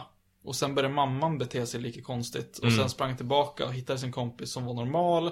Och sen kom mamman och frågade vad hon är på med och då var hon också normal. Och då liksom Jo. hon hade varit på, på toaletten något sånt. Så att det, det fanns alltid liksom något, något, något eh, ja, men någon förklaring till vart de hade varit egentligen. Så Mm. bevis för att, eh, ett alibi för varför de här personerna som de mötte inte kan ha varit den, de riktiga. Ja, precis. Men det här liksom med, med obehag, alltså människor som beter sig obehagligt, det får mig osökt att eh, komma in på Black Eyed Children. Mhm. Är det här någon, eh, någon myt som du känner till? Ja, lite löst i alla fall. Ja. Det kan jag berätta då är eh, historier som sprids om folk som har eh, varit hemma sent på kvällen oftast är det väl här. Och någon har knackat på dörren. Och det har varit, när de öppnat så har det varit oftast två stycken gestalter. Två unga människor eller två barn. Eh, vars ögon är alldeles, som jag, som jag minns så är inte hela ögonen svarta utan det är liksom bara pupillen och irisen som är liksom kolsvart. Eh, och de har då frågat eh, väldigt sent hej? Får vi komma in? I en så här väldigt så här motorisk så här Mm. röst, väldigt in, inlärd röst. Och så säger någonting som att, vi behöver låna telefonen. Och kan liksom inte ge någon riktig förklaring till det. Och ena kanske försöker att, att övertala och de svarar inte riktigt på tilltal. Och den andra kanske bara står och skrattar och liksom vaggar lite med fötterna. Och sen när de har- blivit avvisade, då har de liksom gått runt och ställt sig liksom på men kanske på, på eh, vid altandörren liksom, att de ställt sig på baksidan av huset och stått där och väntat så att Nå någonting verkar vara att de, likt vampyrer så kan de inte komma in om de inte blir inbjudna. Så en del av vampyrmyten finns ju, finns ju där. Eh, och eh, samtidigt det här med att de, de, de ber om hjälp, så här, kan, vi, kan någon hjälpa oss att, släppa in oss liksom. Eh, men de verkar inte kunna ge någon riktig förklaring till, till varför. Eh, har du hört om den här historien? Ja, det har jag. Ja. Absolut. Vad, vad tänker du kring de här? När, eh, när, när, när har du, vart har du läst dem, vilken form? Eh, Jag har ju dels läst det i boken och sen hört om det i eh, podcasten, Creepypodden. Men Ja. annars har jag väl inte sett det så mycket tror jag. Ja, okej. Faktiskt. Nej, men, men eh, jag tycker det är intressant, för det första som jag kom att tänka på när jag hörde om det här med konstigt beteende, så här svarta ögon. Eh, delvis så, så, så är det ju liksom, för, om folk tror på det här så är det väldigt jobbigt om, om eh, min bil skulle liksom så här eh, krascha. Nu hade jag körkort med kraschen då, för jag har ju liksom i stort sett kolsvarta ögon och är väldigt socially awkward, så att det skulle få samma effekt om jag skulle komma och knacka på oss någon sen på Ja. kvällen. Men, men eh, Eh, samtidigt kommer jag tänka på den här uh, zombiedrogen. Som du kanske har talat om. En, en sydamerikansk zombiedrog. Den är gjord på en, en slags böna, ett vitt pulver. Jag tror att det här ganska nyligen i nyheterna har, har framkommit att det används i Frankrike också. Mm. Vid någon härva. Men det är alltså, jag kommer inte ihåg vad drogens exakta namn är just nu. Ni kan slå upp det, det är inte svårt att hitta. Men det är alltså en, en drog som man kan blåsa i ansiktet på, på sina offer. Och det sätter dem i ett stadie av så halvt medvetande, det vill säga att de blir väldigt mottagliga för, för förslag. Man blir så här att, ja men, folk använder det här på, på eh, de knackar på, använder det här på folk och sen så människorna som blir utsatta eh, hamnar i ett stadie som gör att de hjälper till att, att råna sitt eget hem. Liksom, de hjälper till att, att liksom bära ut saker. Och eh, dagen efteråt så minns man ingenting. Och eh, det här låter som, som rena fantasin, men det är alltså ett en riktigt ämne som existerar. Man kan dö om det får jag se det också. Men, eh, just det här grejen med att men de, de beter sig lite off. De eh, kan inte göra någonting om de inte liksom blir direkt liksom inbjudna eller ombedda att göra det. Den här uppsvällda ögonen, eller uppsvällda men, men ö, ökade pupillerna då. Eh, liksom får mig direkt att tänka på effekt som, som vissa droger kan ge. Mm. Så att det skulle kunna vara, jag tänkte först att det skulle kunna vara något sånt som ligger i grunden för själva de här historierna. Att, eh, ja men någon använt det här på ungarna för att få ungarna att gå liksom och råna ett hem liksom. Ja, för att komma undan. Men, men sen när jag har, har läst vidare så verkar det som att det här är, eh, verkar vara en historia som är påhittad från, från grunden. Mm. Men, men, men just det här med att, att eh, lite rädsla för att, att ta emot folk eller liksom att inte riktigt veta vad, vad folk vill. Det är ju Ja, samma sak som med Slenderman, den här otydliga liksom, vill de väl, är det bara barn? Och många tycker att barn är obehagliga för att de i alla fall barn som, som inte beter sig som barn. Mm. En vuxen som beter sig som vuxen kan ju ha motiv till det, men ett barn som inte beter sig som ett barn är inte normalt bara. Mm. Eh, nej men så jag, jag, tycker, jag tycker det är ganska intressant och jag kanske tycker att det är fullt obehagligt som många tycker. För att det här har jag uppfattat som att det är en väldigt populär myt på nätet. Just för att folk tycker att det här är så otroligt obehagligt med de här Ja, barnen. det är väl just om man tycker barn är väldigt obehagligt. Men du pratade där om att eh, stanna med bilen och liksom i mörkret. Ja. Det fick mig bara att tänka på. Jag var i Kroatien förra veckan. Och eh, då hyrde vi en bil för att ta oss från eh, staden Split till Dubrovnik. Mm. Och på vägen tillbaka när vi skulle till Split igen så var det världens jäkla spöregn. Eh, och vi var typ i en backe med mötande trafik och eh, trafik bakom. Och det spöregnade som, fa- som fan då som sagt. Mm. Och där slutar vindrutetorkaren fungera. Fan. Så vi typ så här sakta åker ner för den här backen och stannar någonstans. Och vi åker fram, vi åker liksom fram lite då och då och hamnar till slut på något hotell, försöker ta oss vidare, få hjälp där, vi får inte hjälp. Och sen blir det verkligen att vi fastnar typ i en sväng mitt ute i skogen. Det är totalt mörkt överallt och där är vi beredda på att för liksom det bara fortsätter regna så vi, det går inte att ta sig fram när det är så mörkt och det regnar så mycket. Så då är vi typ best, eh, förberedda på att här kanske vi får sova nu. Mitt ute i natten. Och jag, då, det känd, då fick jag då tänkte jag lite på så här creepypasta grejer Att Ja. det kan fan vara någonting otäckt här. Just att det är ett annat land som inte jag vet så mycket om Mm. heller. Och i den här skogen liksom, att det kan vara någonting. Det regnar. Ja. Det är som början av en slasher-flick. Du- Jo, skulle- det kan komma någon och, och dyka, ja, Du- dyka upp och du- fråga om hjälp. Du vaknar i bilen mitt i natten Mm. och märker att någon har gått ut ur bilen och står i spöregn utanför. Ja. Den här personen beter sig inte helt normalt. Så, Nej. det, det skulle absolut kunna vara början till en, en bra creepypasta. Jo, och sen någon timme senare när vi väl hade kommit iväg så åkte vi igenom typ värsta jävla spökstaden med typ tomma hus och jättelite folk. Och, så och då tänkte vi verkligen så här ska vi inte stanna. Det är början på en slasherfilm. Ja. Tornadomonstret, tornadomonstret, monstret, monstret. Monster. Men, du, vi båda spelar ju väldigt mycket tv-spel. Eh, det gör vi. Har du någon koll på, eh, på spel creepypasta? Alltså creepypasta som rör tv-spel? Jo, det har jag. Det finns ju en hel del sånt. Och jag är ju lite så här eh, tvådelad när det gäller det. Ja. Vissa kan vara rätt intressanta, men samtidigt så är det så här, jag har egentligen inte varit jättestort fan av creepypastas förrän typ det senaste året egentligen. Ja. Eh, och jag föredrar väl creepypastas när de är mer verklighetsförankrade, att det alltså handlar om riktiga personer. Det finns ju vissa spel, eh, creepypastas med riktiga personer i. Men jag gillar som sagt när det är liksom en vandringssägen som handlar om personer, något fenomen som finns ute i världen på riktigt. Okej. Jag tycker att det kan bli lite så här luddigt när det är någonting Ja. märkligt som finns inne i ett spel eller så. Ja. För där finns det ändå en förklaring att det ändå är folk som har gjort det här spelet och då, om det är så att det är någonting konstigt Jo. i spelet så finns det ju en förklaring till det. Ja, precis. Men, men har du, du sa att vissa kan vara intressanta. Har du några exempel på vilka du tycker är intressantare? Eh, en som är ganska simpel som jag gillar väl sådär, det är ju Herobrine Ja. i Minecraft. Det är ju då att det började snackas om någon karaktär som man kunde möta Mm. i spelet. Som typ ser ut som en själv fast den har väl lysande ögon typ och Ja, det är no- sådär. någonting som är annorlunda vet jag. Jag vet inte riktigt vad. Men det, är i stort sett samma spelfigur. Ja, och då är det ju liksom att man, folk har sett den här i spelet men det finns typ inga screenshots, sen började det väl typ dyka upp fejkade screenshots och så. Och det lite roliga är ju att i varje typ patch notes som kommer med ny uppdatering till spelet så står det ju alltid Herobrine removed tror jag. Eller någonting som, som, alltså är det på riktigt, alltså det står det? Eller är det en del av creepypastan? Ja, det står det i patch Okej, notesen, mm. alltid. Jag tror, jag tror att Notch har sagt någonting om det där, liksom att han, han har skojat om att eh, ni får vara försiktiga nu för att annars kommer, kommer Herobrine. Eh, men jag vet att tidigare när det först dök upp så har han väl dementerat att han skulle ha haft det, liksom en, en bror. Och i originalpastan så, så sägs väl den här som berättar om, första gången förut Herobrine har mejlat eh, Notch. Och eh, Notch har då berättat att ja, men det, här, det här var min bror, eh, Herobrine var min bror, Ja. han gick bort för flera år sedan. eh, Och sen bygger de som sagt vidare på den här myten, och lite skämtsamt då, att de varje gång skriver att de har tagit bort Herobrine, som Ja. att den har funnits i spelet. Mm. men nu finns den inte längre, så då går den inte att hitta, men den har ju aldrig funnits liksom.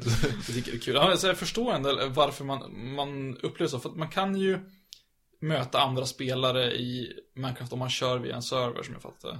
Man kan måste- ju köra på olika servrar, men Ja. ofta så spelar man ju med varandra med flit då. Liksom, ja, det är ju, precis.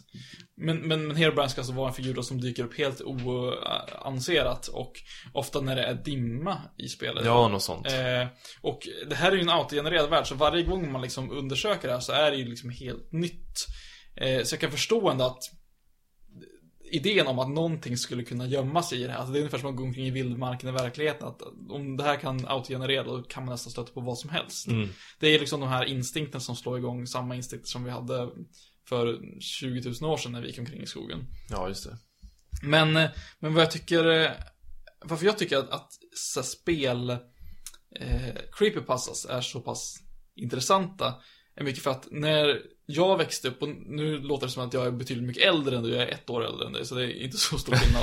eh, men jag säger att när, när jag var som yngst, när jag i begynnelsen av mitt tv-spelande, så hade jag inte så mycket tillgång till internet och även om jag hade det så var det inte alltid det fanns så mycket information om alla spel. Idag så finns det ju guider liksom, jag vet inte hur många som helst på nästan alla spel. Det finns alltid någon, någon YouTube-genomgång av hur man klarar det här spelet och om det ens är liksom ett helt okänt spel. Eh, och, ja men walkthroughs eh, och att folk kan gå in eh, i filerna i spelen och liksom kolla vad som faktiskt finns där. Många har ju använt det för att kunna plocka ut så här, men banor som inte var med liksom, i, i färdiga spelet och liksom bossar och sånt som var bort, bort, bortplockade. Men en gång i tiden, för mig i alla fall, så var det att det skulle gå var ren fantasin. Utan det var eh, spel liksom var fyllda av, av digitala skrymslen och vrår som kunde bära på jättemycket hemligheter. Mm. Eh, och mitt första exempel på det, det saker som jag upplevt själv då liksom, när jag har upptäckt någonting i ett spel. Eh, och det här låter kanske dumt, för det här tror jag till och med stod i manualen till spelet, men, men Chrono Trigger till Super Nintendo eh, tog mig, jag vet inte hur länge, men otroligt länge innan jag faktiskt insåg att eh, en av skurkarna i spelet, Magus, trollkarlen Magus, i själva verket var en spelbar karaktär som man kunde låsa upp Ja. om man gjorde rätt. Eh, det var ju bara att låta bli att döda honom, men men för mig var det så att jag varit helt paff över att det här faktiskt, det fanns en karaktär som jag helt hade missat i det här spelet. Eh, för det var mitt favoritspel, och är fortfarande mitt favoritspel. Också i Shadow of the Colossus, ett eh, spel då man är en, en ensam krigare, en ung krigare som ger sig ut på, eh, på en jakt efter 12, jag tror det är 12, eller är det fler, 16? Jag vet inte Ja. exakt numret. Jag, jag tror att, okej vi säger att det är 16, jag tror det är ganska många. 16 kolosser, alltså stora jättar gjorda av jord och gräs och sten. Som man måste dräpa eh, för att eh, återuppliva en, en kvinna då, som man bär med sig liksom, i början av spelet in till den här förlorade dalen. Eh, och det dyker upp historier som säger att ja, men, du kan få ett annat slut om du klättrar upp på templet i spelet. Templet som ligger i mitten av den här kartan, ett jättestort, jätte- jättestort tempel. Då sades det att om man lyckades klättra upp på den här uh, otroligt höga byggnaden så skulle man komma till en, en gömd eh, trädgård. Och där skulle man slåss mot den, den sista, absolut sista kolossen för ett nytt spel. Mm. Eh, Jag, te- jag testade det här. Jag spelade om spelet eh, jag vet inte hur många gånger, massor av gånger för att öka liksom min stamina i spelet, alltså det som gör att man kan klättra. För att det visar att det finns alltså eh, klängerväxter och sånt på det här templet som gör att du kan klättra upp för det. Och till slut nå toppen, men du måste ha extremt mycket liksom stamina för att göra det. Och till slut så lyckas man göra det, man lyckas ju ta sig till den här eh, toppen av, av eh, det här templet och hitta den här gömda gården som finns liksom fullt programmerad liksom med, med vilda djur, någonting som inte liknar någonting annat i hela spelet. Och som bara finns där för att finnas där. Alltså det finns ingen motivation till varför det, det fanns ju ingen koloss där såklart, det fanns ju ingen boss. Nej. Enda motivationen till det liksom var ju bara för att ja, men, det skulle gå att hitta det om man ansträngde sig. Att liksom, och det väcker någonting i mig som säger liksom att, att spel ändå kan vara fyllda av saker som inte finns där, så finns ditlagda. Om det kanske är en, en, en ensam programmerare som smugit in någonting eller eh, att skaparen vill liksom så här överraska på något sätt. Men att det finns saker i spel som inte är gjorda för att hittas nödvändigtvis. Saker som bara finns där för att de finns där. Och eh, ett till exempel, Final Fantasy 7. Där man kan, eh, eh, det finns en sektion där man kan dejta eh, de kvinnliga karaktärerna i spelet. Mm. Först, jag tror att det var nio år efter att det här spelet hade släppts, vilket skulle ha gjort det till, om det var 97 det släpptes, så borde det ha varit eh, 2006, och sånt. Eh, så, 2007 kanske, ja skitsamma, nej 2006 måste det ha varit. Eh, så upptäckte en japansk spelare att om man typ negligerade alla liksom kvinnorna i det här spelet och bara var snäll mot den eh, store burduse maskingevärsarmade Barrett. Mm. Så byttes datingscenen ut mot att man dejtade den här Barrett eh, istället. Och det här hade ingen upptäckt på nio års tid i det här spelet. Liksom Nej. någonting som, som låg dolt.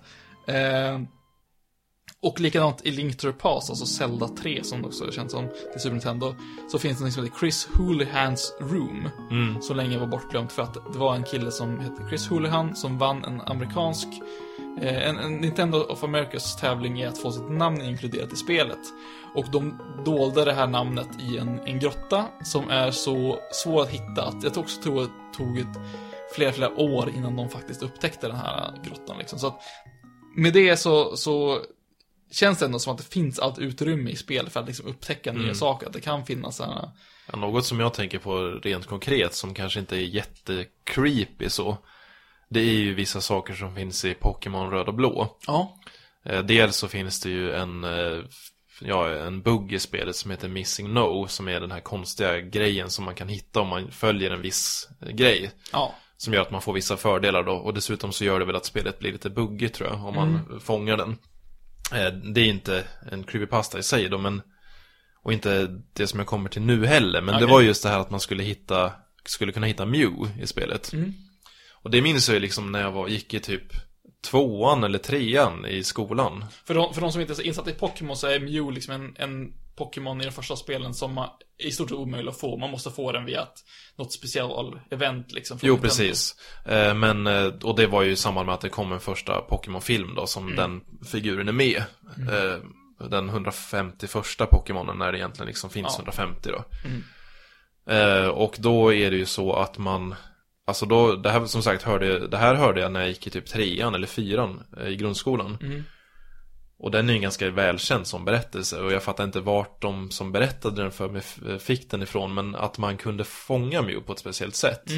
Att man skulle liksom byta till sig Pokémon och få tag i vissa egenskaper så att man kan simma ifrån en båt som man är på SSN Ja. och simma till en udde som faktiskt finns där med en, och där finns det en lastbil. Och det tror jag är den enda Och, lastbilen jo, i precis. spelet. Och att man skulle kunna knuffa undan den här lastbilen och sen hitta Mew. Vilket skulle vara helt absurt. Varför skulle den vara Jo, och det är så här, det, det går ju att göra så att man kan ta sig dit. Ja. Men det händer ingenting. Det går ju också att fånga Mew vid, vid hjälp av vissa liksom trick, buggar liksom i spelet Jo. ska man säga. Eh, men, men det har ingenting att göra med den här lastbilen. Folk har tagit sig dit, men det liksom, finns ju ingenting där. Eh, Så det var ju en väldigt så här, det, det var ju inte creepy kanske, men det var en väldigt mystisk grej, så som när man var liten, att så här, det här kanske går. Ja, det, men det är ändå en sån här vandringssägen som, som rör liksom spel. Och jag minns själv en vandringssägen som, som faktiskt började som en speltidning tror jag det var som hade ett aprilskämt. Där de sa att det här uh, Pokémon Mew kommer att uh, skickas iväg eh, via satellit. Så att det finns en liten så här infraröd sensor på, på Game Boy Color tror jag det är. Eh, som skulle användas som en linkkabel men tekniken fungerade inte när, den, när konsolen släpptes utan den här vart som en, en blindtarm liksom som var kvar på konsolen. Men man skulle då enligt eh, den här tidningen ta sitt Gameboy, man skulle slå på eh, sitt Pokémon och man skulle linda in hela Gameboyt i aluminiumfolie utom den här lilla infraröda sensorn. Då skulle de hålla upp den mot skyn under en viss tid och datum. Då skulle den stråla ner Mew från rymden. Eh, rakt ner i spelet. Eh, och det här minns jag att det här var ju ett medvetet aprilskämt och det släpptes ju på första april. Så att, men det här spreds som en vandringssägen under flera, flera år efter det där runt om. Så jag fick höra det från kompisar som sa att det här var sant, det var ingen konstigheter. En, eh, en creepypasta eh, kring spel som jag gillar då, eftersom jag som sagt inte säger, gillar dem jättemycket. Eh, som creepypastas i alla fall. Men eh, den här gillar jag för att den är lite mer sådär verklighetsförankrad. Och det är Ben Drowned, Ja. eller Haunted Majora's Mask som den brukar kallas. Ja. Och då är det då en som hittar en, eh, en Nintendo 64-kassett på en eh, loppis hos en- person. Och eh, typ, vad heter det, etiketten saknas och det stort, står typ Majoras mask på den. Sånt har man ju sett. Ja. Och eh, han börjar typ spela och hittar en sparfil som heter Ben. Med stora bokstäver tror jag. Okej. Och eh, så, så spelar han det och det börjar typ hända konstiga så här, visuella buggar. Att det typ, man går i taket, det är gubbar som ska vara på ett ställe hamnar på ett annat ställe. Och det Ja. börjar dyka upp en liten konstig Link-figur. Som typ säger saker som You shouldn't have done that och så här, vänd om och liknande. Eh, och eh, senare så börjar han typ hitta andra sparfiler när han startar spelet som typ säger att han kommer dö eller liknande så här. Okej. Den är väldigt så här, välskriven tycker jag. Ja. Men där är det ju just den här konstiga Link-figuren är ju en grej som finns i spelet. Det är väl någon, något item man hittar som är liksom en dummy Link. Ja. Att man kan slänga ut den så att fiender typ attackerar Det den. inte väldigt obehagligt ansikte. Jo, den ser ju väldigt obehaglig ut, men eh, liksom har man inte spelat igenom Majoras Mask som är ett ganska jobbigt spel så kanske man inte har sett den. Och då kan det här vara trovärdigt. Ja. Och då finns det ju YouTube-klipp med när han faktiskt spelar de här spelen också. Från liksom samma upphovsman då. Att eh, han har väl använt en, en hackad version så att det är de här konstiga buggarna och det är saker och ting är märkliga att den här Ja. figuren följer efter honom och så. Jo, precis. Alltså, för, För det är en väldigt genomtänkt och välgjord sån creepypasta, den gillar jag Det verkligen. tycker jag, tycker jag också. Det, det, det är väl liksom en ganska obehaglig historia. Det är väl, är det en kille som tar livet av sig eller dör han av olycka? Jag minns inte. Men att, att den här Ben då var kopplad till det här spelet på något Mm. Jo, sätt. att det kan vara liksom den förra ägaren som typ Ja. tog livet av sig och... Och hem, hemsöker hemsöker, spelet. Eller för en som bara har gjort en homebrew helt enkelt. Ja. för, liksom för att, och sen tog livet av sig, det vet man ju inte. Eh, men just att, att på något sätt så är det ju trovärdigt för att, men, det man beskriver i början låter ju som någon som skulle kunna göra en homebrew, alltså ett, ett hemmagjort spel. Eller, eller liksom en, säger man, en omprogrammerad version av Majora's Mask helt enkelt. Eller att det bara är en bugg för att det är ett piratkopierat spel liksom i sig. Så att man, man tro, kan ju tro på det på en viss del, det är inte liksom helt osannolikt på alla sätt. Eh, nej men så jag, jag tycker också att den är väldigt, väldigt eh, stämningsfull på något sätt. Även när man, man kan känna igen sig mycket i. Jo, och det är ju faktiskt en eh, sån... eh, En creepypasta som jag själv... Jag var med när den var liksom. Jag var där. För annars har jag bara hört mycket sådana själv. Nu var det, eller så här, i efterhand. Nu var det faktiskt att jag var mycket på Forsan och såg de här trådarna som kretsade kring det här med huvud, folk åter eh, uppladdade huvudberättelsen och började spekulera och oj, här, kolla här är ett nytt klipp med liksom märkliga saker och här är någon hemsida som säger det här med någon konstig liten text och så här. Det var, det var kul att liksom följa det här. Man fattade ju att det var eh, på, på låtsas. Ja. Men det var så välgjort. Ja. Och just det här uh, creepypasta-grejen, att det är folk som bygger vidare på det och det förs vidare, det kommer mer och mer delar av det eh, under en viss tid på internet. Och liksom, vi ska säga att det här spelet, Majora's Mask, är ju ett i sig ganska obehagligt spel. Jo, Det finns ju mycket som Nintendo har lagt in i det som är liksom, men antydningar till att, att vissa karaktärer har dött eller liksom att, men det handlar väl om, jordens undergång. Eh, Så är det det mörkaste av alla Zelda-spelen. Eh, Så på så sätt känns det inte heller, det känns som att han har valt rätt spel för en sån här creepypasta. Att hade han tagit nästan vilket annat spel som helst hade det liksom inte fungerat. Men just för att det här spelet är lite obehagligt i sig, så blir det, blir äckligt. Mm. En, en annan, jag minns att, att i början där, när vi pratade om Slenderman, så pratade vi lite om det här med eh, anonymitet på internet. Att Slenderman skulle kunna representera någon som sitter anonymt på andra sidan webben. Och en, en creepypasta som, ja, det är väl typ spel kan man säga. Men som handlar lite om det här, det är ju Talking Angela. Mm. Känner du till den här? Ja, du får gärna fortsätta. Ja. Eh, det finns en app, och jag tror att den släpptes inte för allt många år sedan. En app till iPhone som, och iPad tror jag, som heter eh, Talking Angela. Eh, det är alltså en, en liten eh, animerad katt. Som en liten så här, med lite mänskliga egenskaper, så en katt.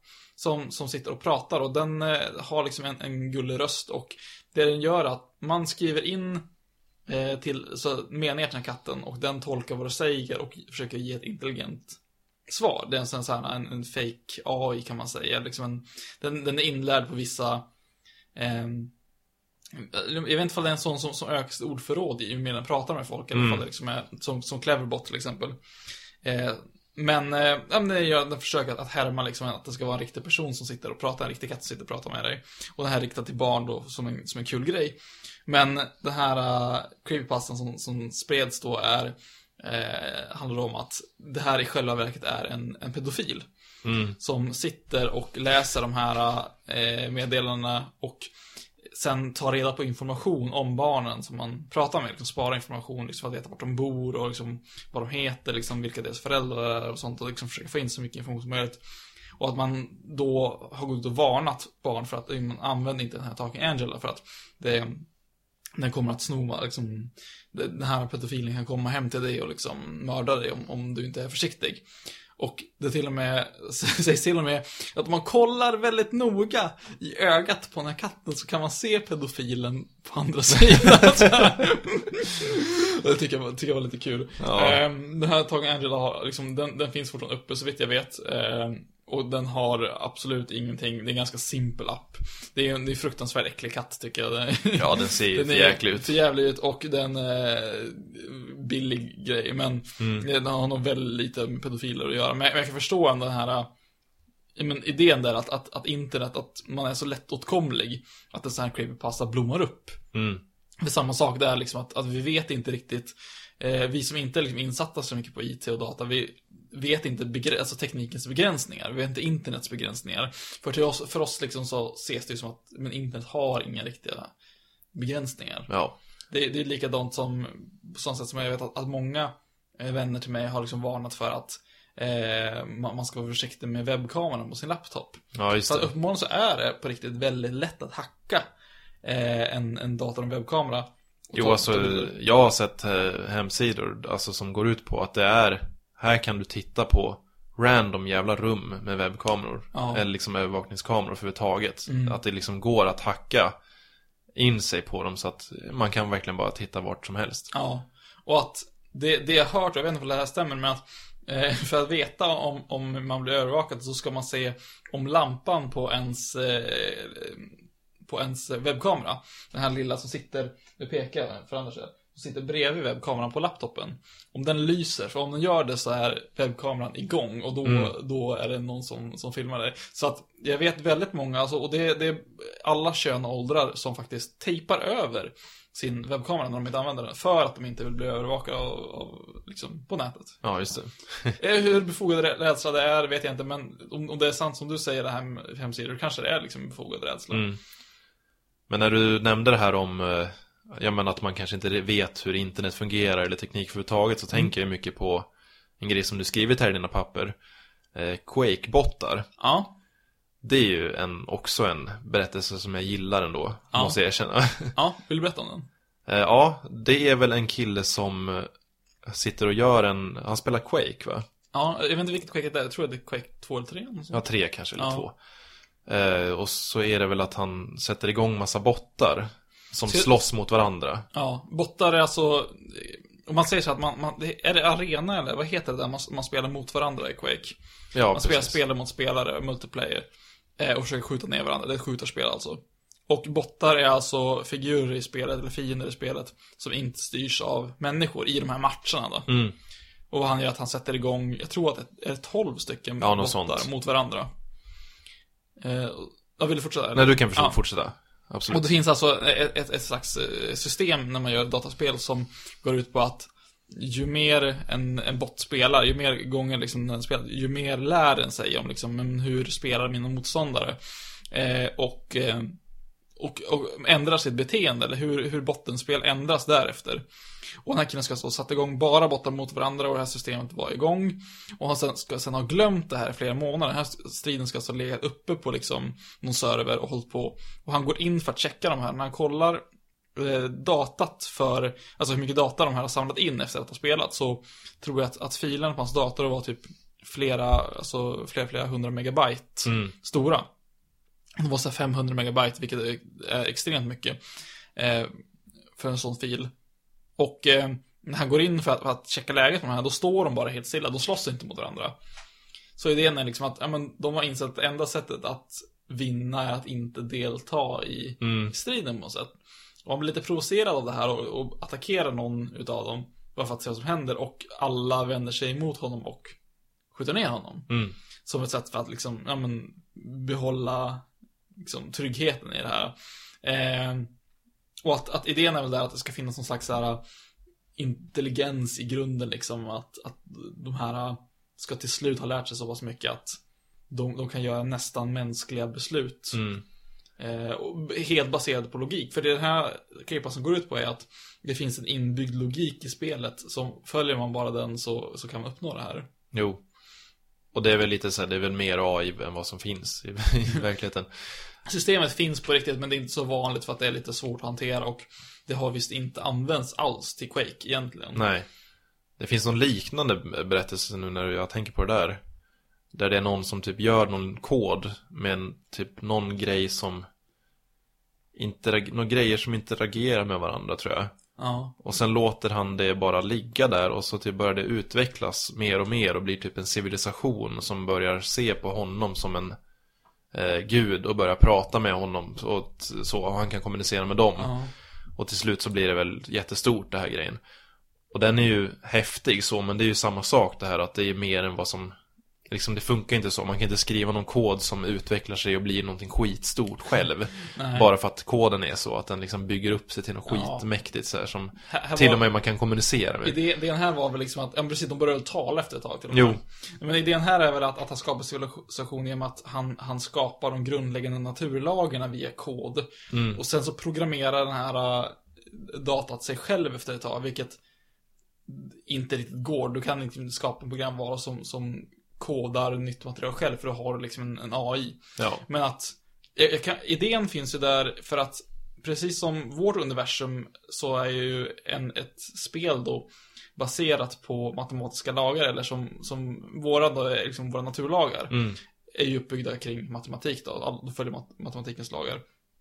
Så att skulle man kunna återskapa dem som, som kod så skulle man kunna simulera rent teoretiskt vår värld. Men som sagt, man, man eh, när det handlar om data och inte liksom fysiska ting så måste man ju tillägga någonting hela tiden för att liksom få koden att utvecklas. Annars återupprepar den bara ett mönster. Men Ja. i den här historien då så, så skapar han en hel civilisation och blir en gud och börjar ifrågasätta vad han egentligen har satt i rörelse. Ja.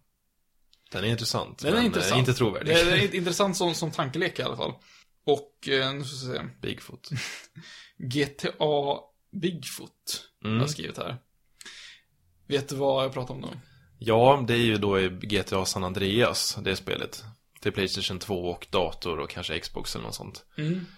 Eh, där det var, det var ju en sån här grej att folk hade, det kom liksom en sägen att det finns, att Bigfoot finns programmerad i det här spelet i en viss skog.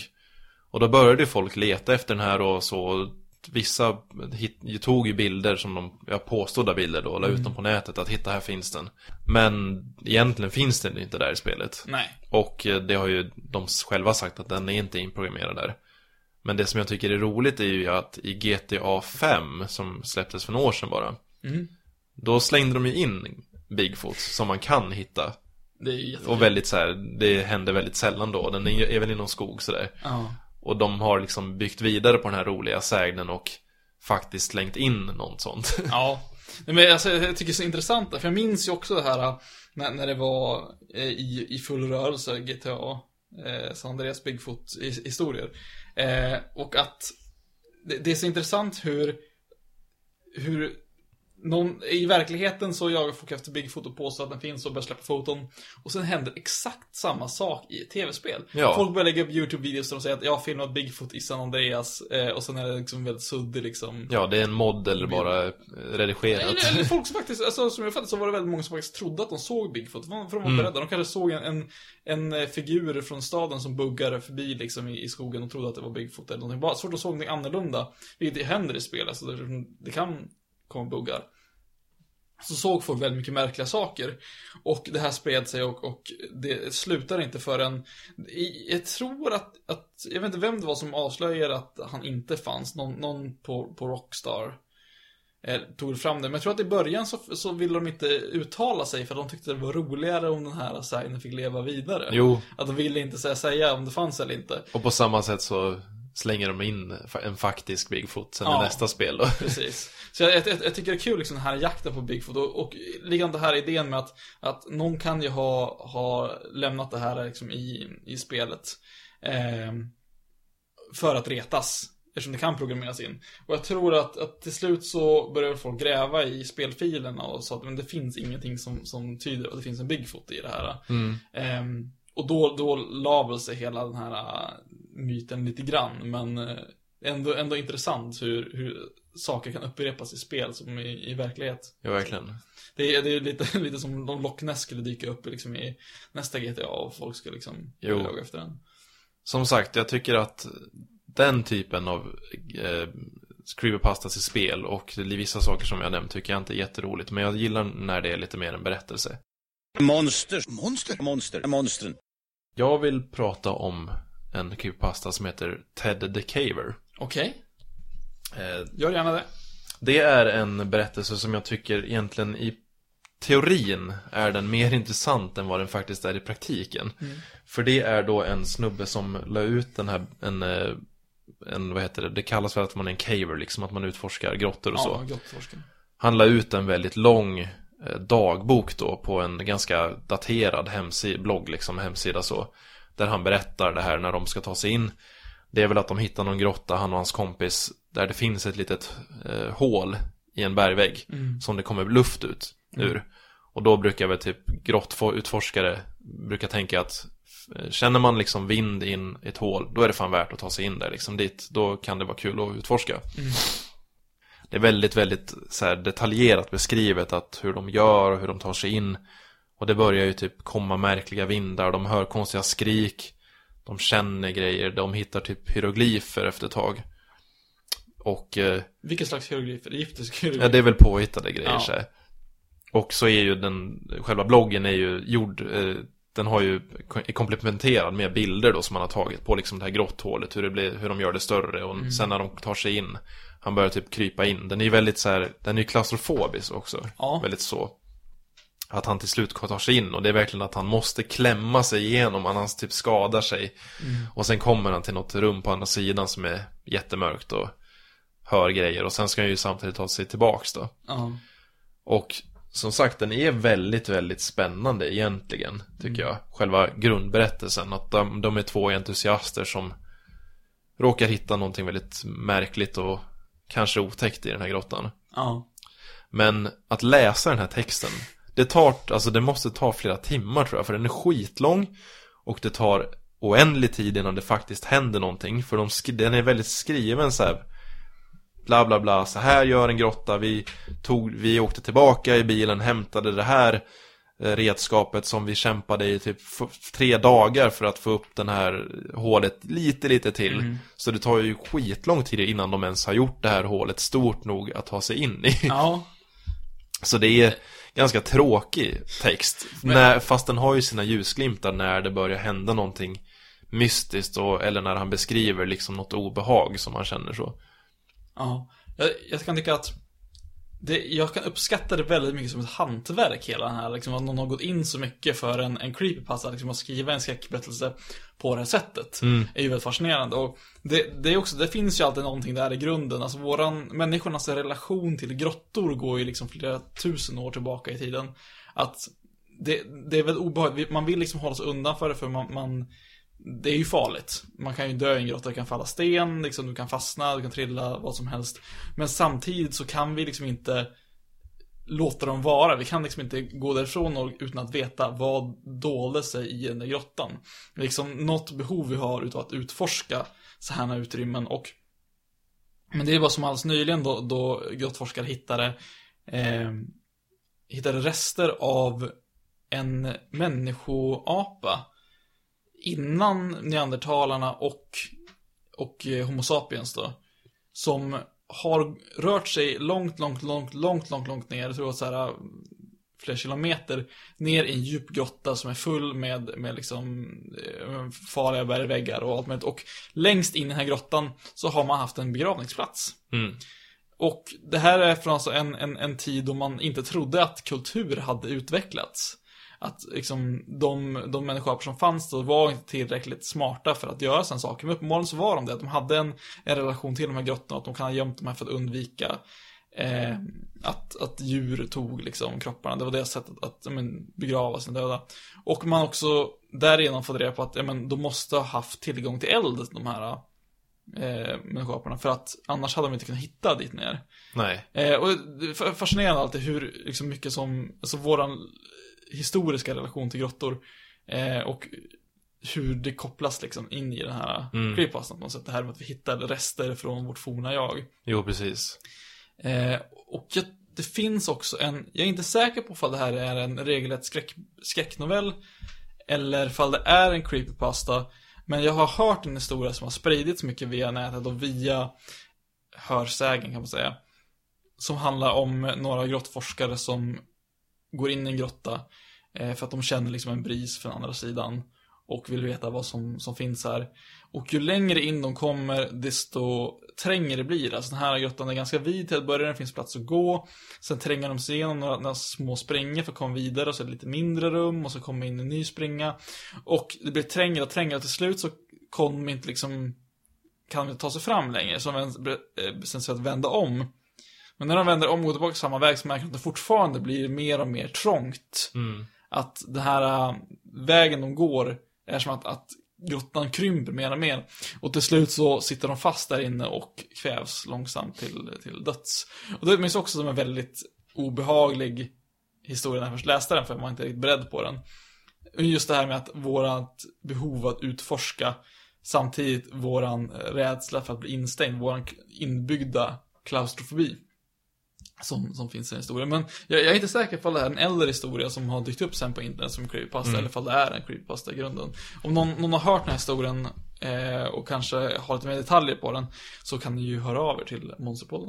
Ja, jag ville bara påpeka att vill man ta sig an den här Ted Caver fast utan att läsa en jättelång text med ganska konstigt typsnitt som är jättelångt så kan man lyssna på Creepypodden så finns det ett avsnitt där som där han gör en lite förkortad översatt version då, som faktiskt är väldigt spännande. Ja, Hon är säkert något monster. Anders. Russian Sleep Experiment. Mm. Är det någonting du känner igen? Ja, det gör jag, absolut. Eh, vad kan du säga om den? Eh, det är ett ryskt sömnexperiment. Du kan nog nog mer berätta. Den här Russian Sleep Experiment är alltså en creepypasta som går ut på att det är ett ryskt eh, forskarlag som har fått eh, tillgång till en grupp eh, krigsfångar ifrån andra världskriget. Amerikanska krigsfångar.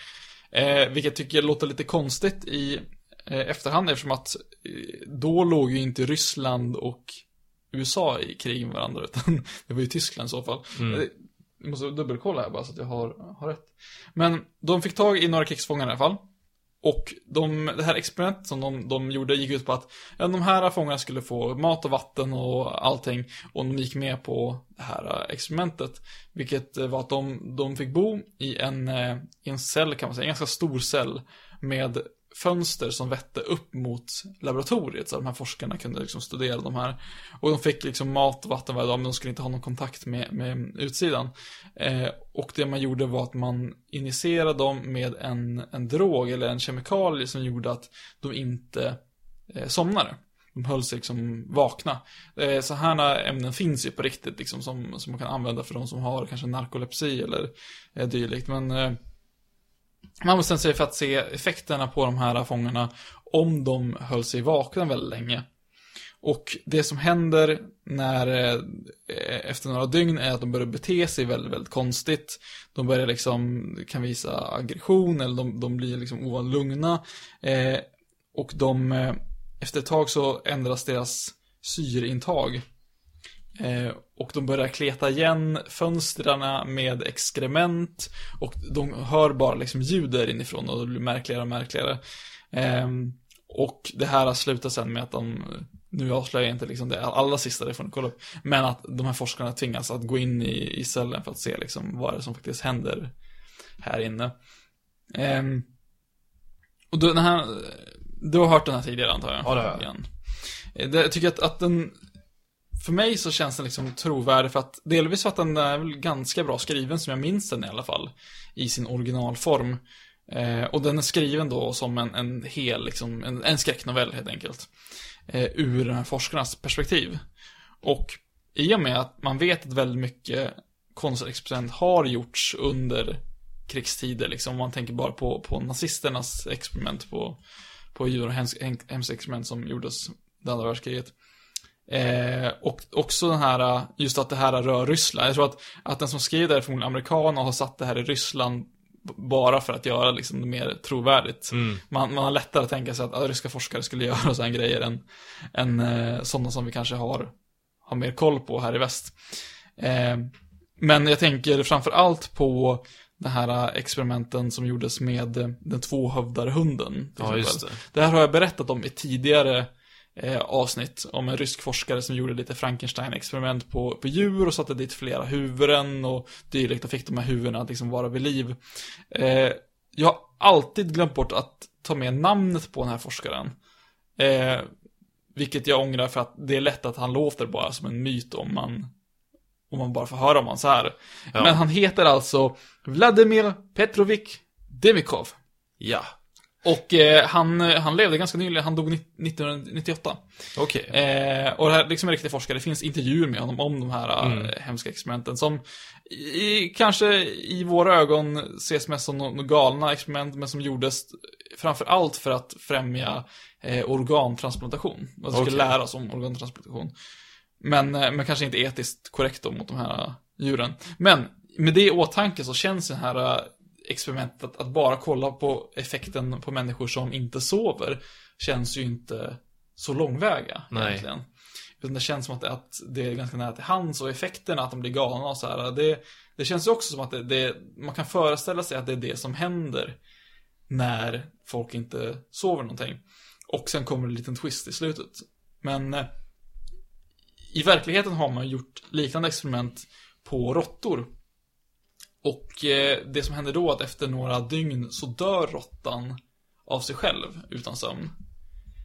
Och det som är intressant med, med, med sömn när det kommer till forskning är att vi vet fortfarande inte än idag varför däggdjur och ja, alla djur egentligen behöver sömn. För vi vet att Mm, eller man, man, har, man har teorier om varför vi drömmer. Att det skulle vara för ett sätt för hjärnan att träna sig inför händelser som kan uppstå i vår vardag. Men vi vet fortfarande inte riktigt vad som händer i kroppen. Varför kroppen inte klarar av att, att leva utan att sova.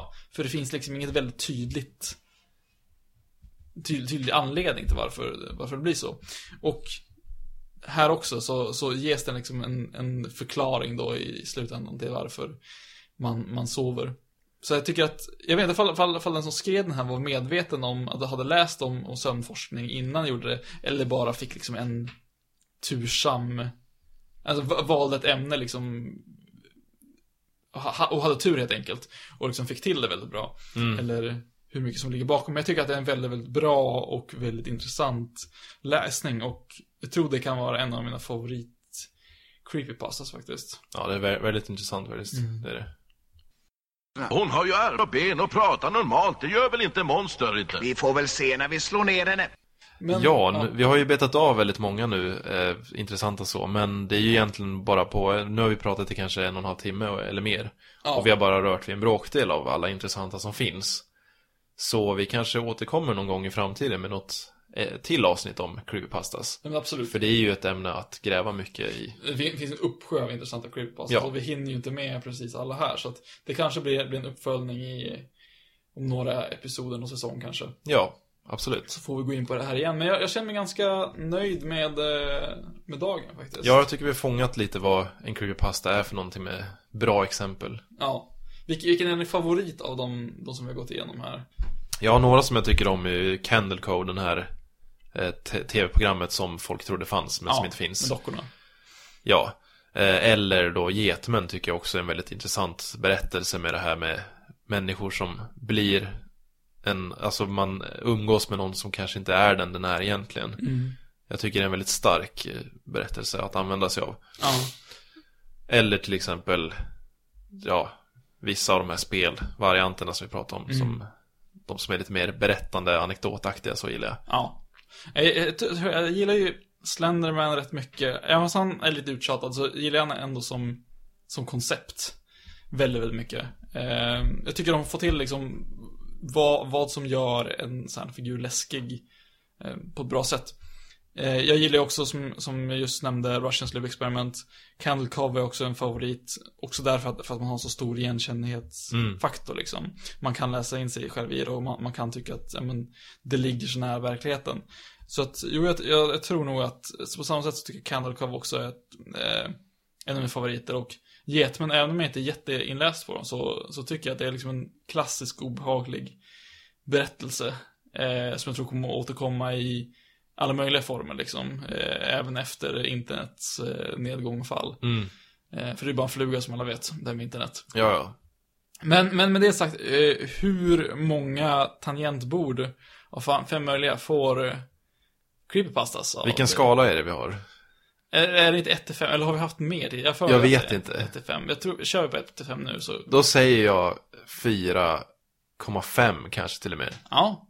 Av fem. För jag tycker det, det är ju, jag har ju som sagt verkligen inte varit jätteintresserad av det förr. Jag har nästan tyckt att det är lite fjantigt med sånt här. Mm.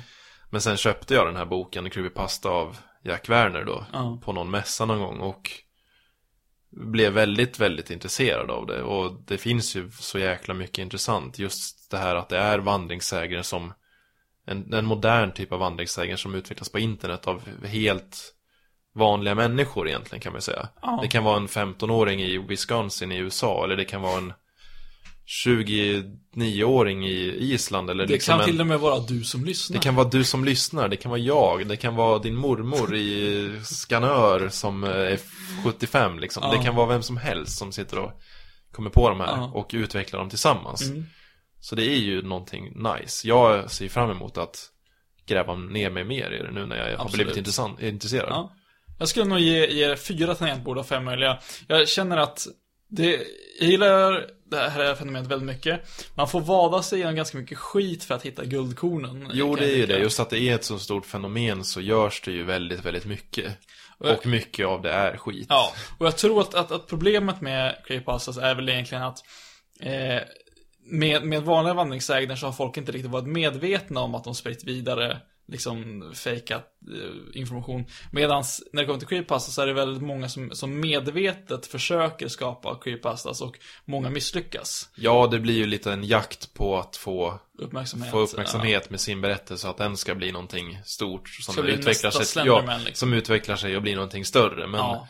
Så, därför blir det ju mycket bara mycket skräp Ja. av amatörer. Nu Men- säger jag att eh, amatörer, det är absolut inte fel, det är lite halva grejen men ibland kan det ju bli Mm. Ja. extra tydligt att det är en amatör. Men, men så, här, samtidigt så tycker jag att med framtidens skräckberättelser finns ju på nätet och det är, det är skönt att se att istället för att återberätta samma gamla vandringssäger som har, har funnits med sedan 60-70-talet så kommer det upp nya historier från runt om i världen och de kan spridas så pass bra som de gör nu och, och skapas som en, ett slags liksom, kollektiv, liksom, ett kollektivt skrivande. Mm. Eh, kan jag tycka är jättefascinerande och det är det som gör Creepypasta så himla fint. Att alla skapas liksom utifrån idén om att det här ska, ska reflektera verklighet på ett sätt. Och i och med att vi blir lite anonyma när vi läser liksom från någon som har skrivit om det här som en egen upplevelse på nätet, så, så är det väldigt lätt att ta in sig, för att vi vet ju aldrig vem det är som har skrivit någonting på nätet. Vi måste ju alltid ifrågasätta verklighetshalten eh, i allt egentligen vi läser. Ja. Så därför så är det ganska lätt att acceptera en creepypasta som man läser som att det här är någonting som, som har hänt på riktigt. Så eh, jag får säga, jag tycker hemskt mycket om creepypastas, men jag ger ändå fyra av, av fem möjliga. Ja, som sagt så återvänder vi gärna till det här ämnet i framtiden. Absolut. Och eh, med det så får vi säga tack för att ni lyssnade på Monsterpodden. Lyssna gärna nästa gång också. Då ska vi prata om monster. Ja, som vanligt kan ni kontakta oss på vår Facebook-sida som heter Monsterpodden. Ni får gå in och kommentera någonting på vår iTunes-sida gärna. Ge oss betyg och sätta en kommentar liksom. Eller mejla oss på monsterpodden.gmi.com om ni vill ge oss någon, eh, ja, någon idé eller säga att vi är bra eller säga att vi är helt värdelösa. Det får ni bestämma själva. Yes. Så, Tills ja. Hej då. Hej då. Jag heter Anders Eklöv. Och jag heter Fredrik Jämting. Hej då.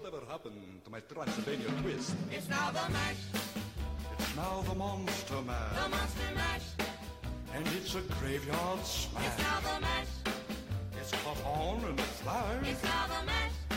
It's now the monster mash. Now everything's cool. Drax a part of the band. And my monster mash is the hit of the land. For you, the living, this mash was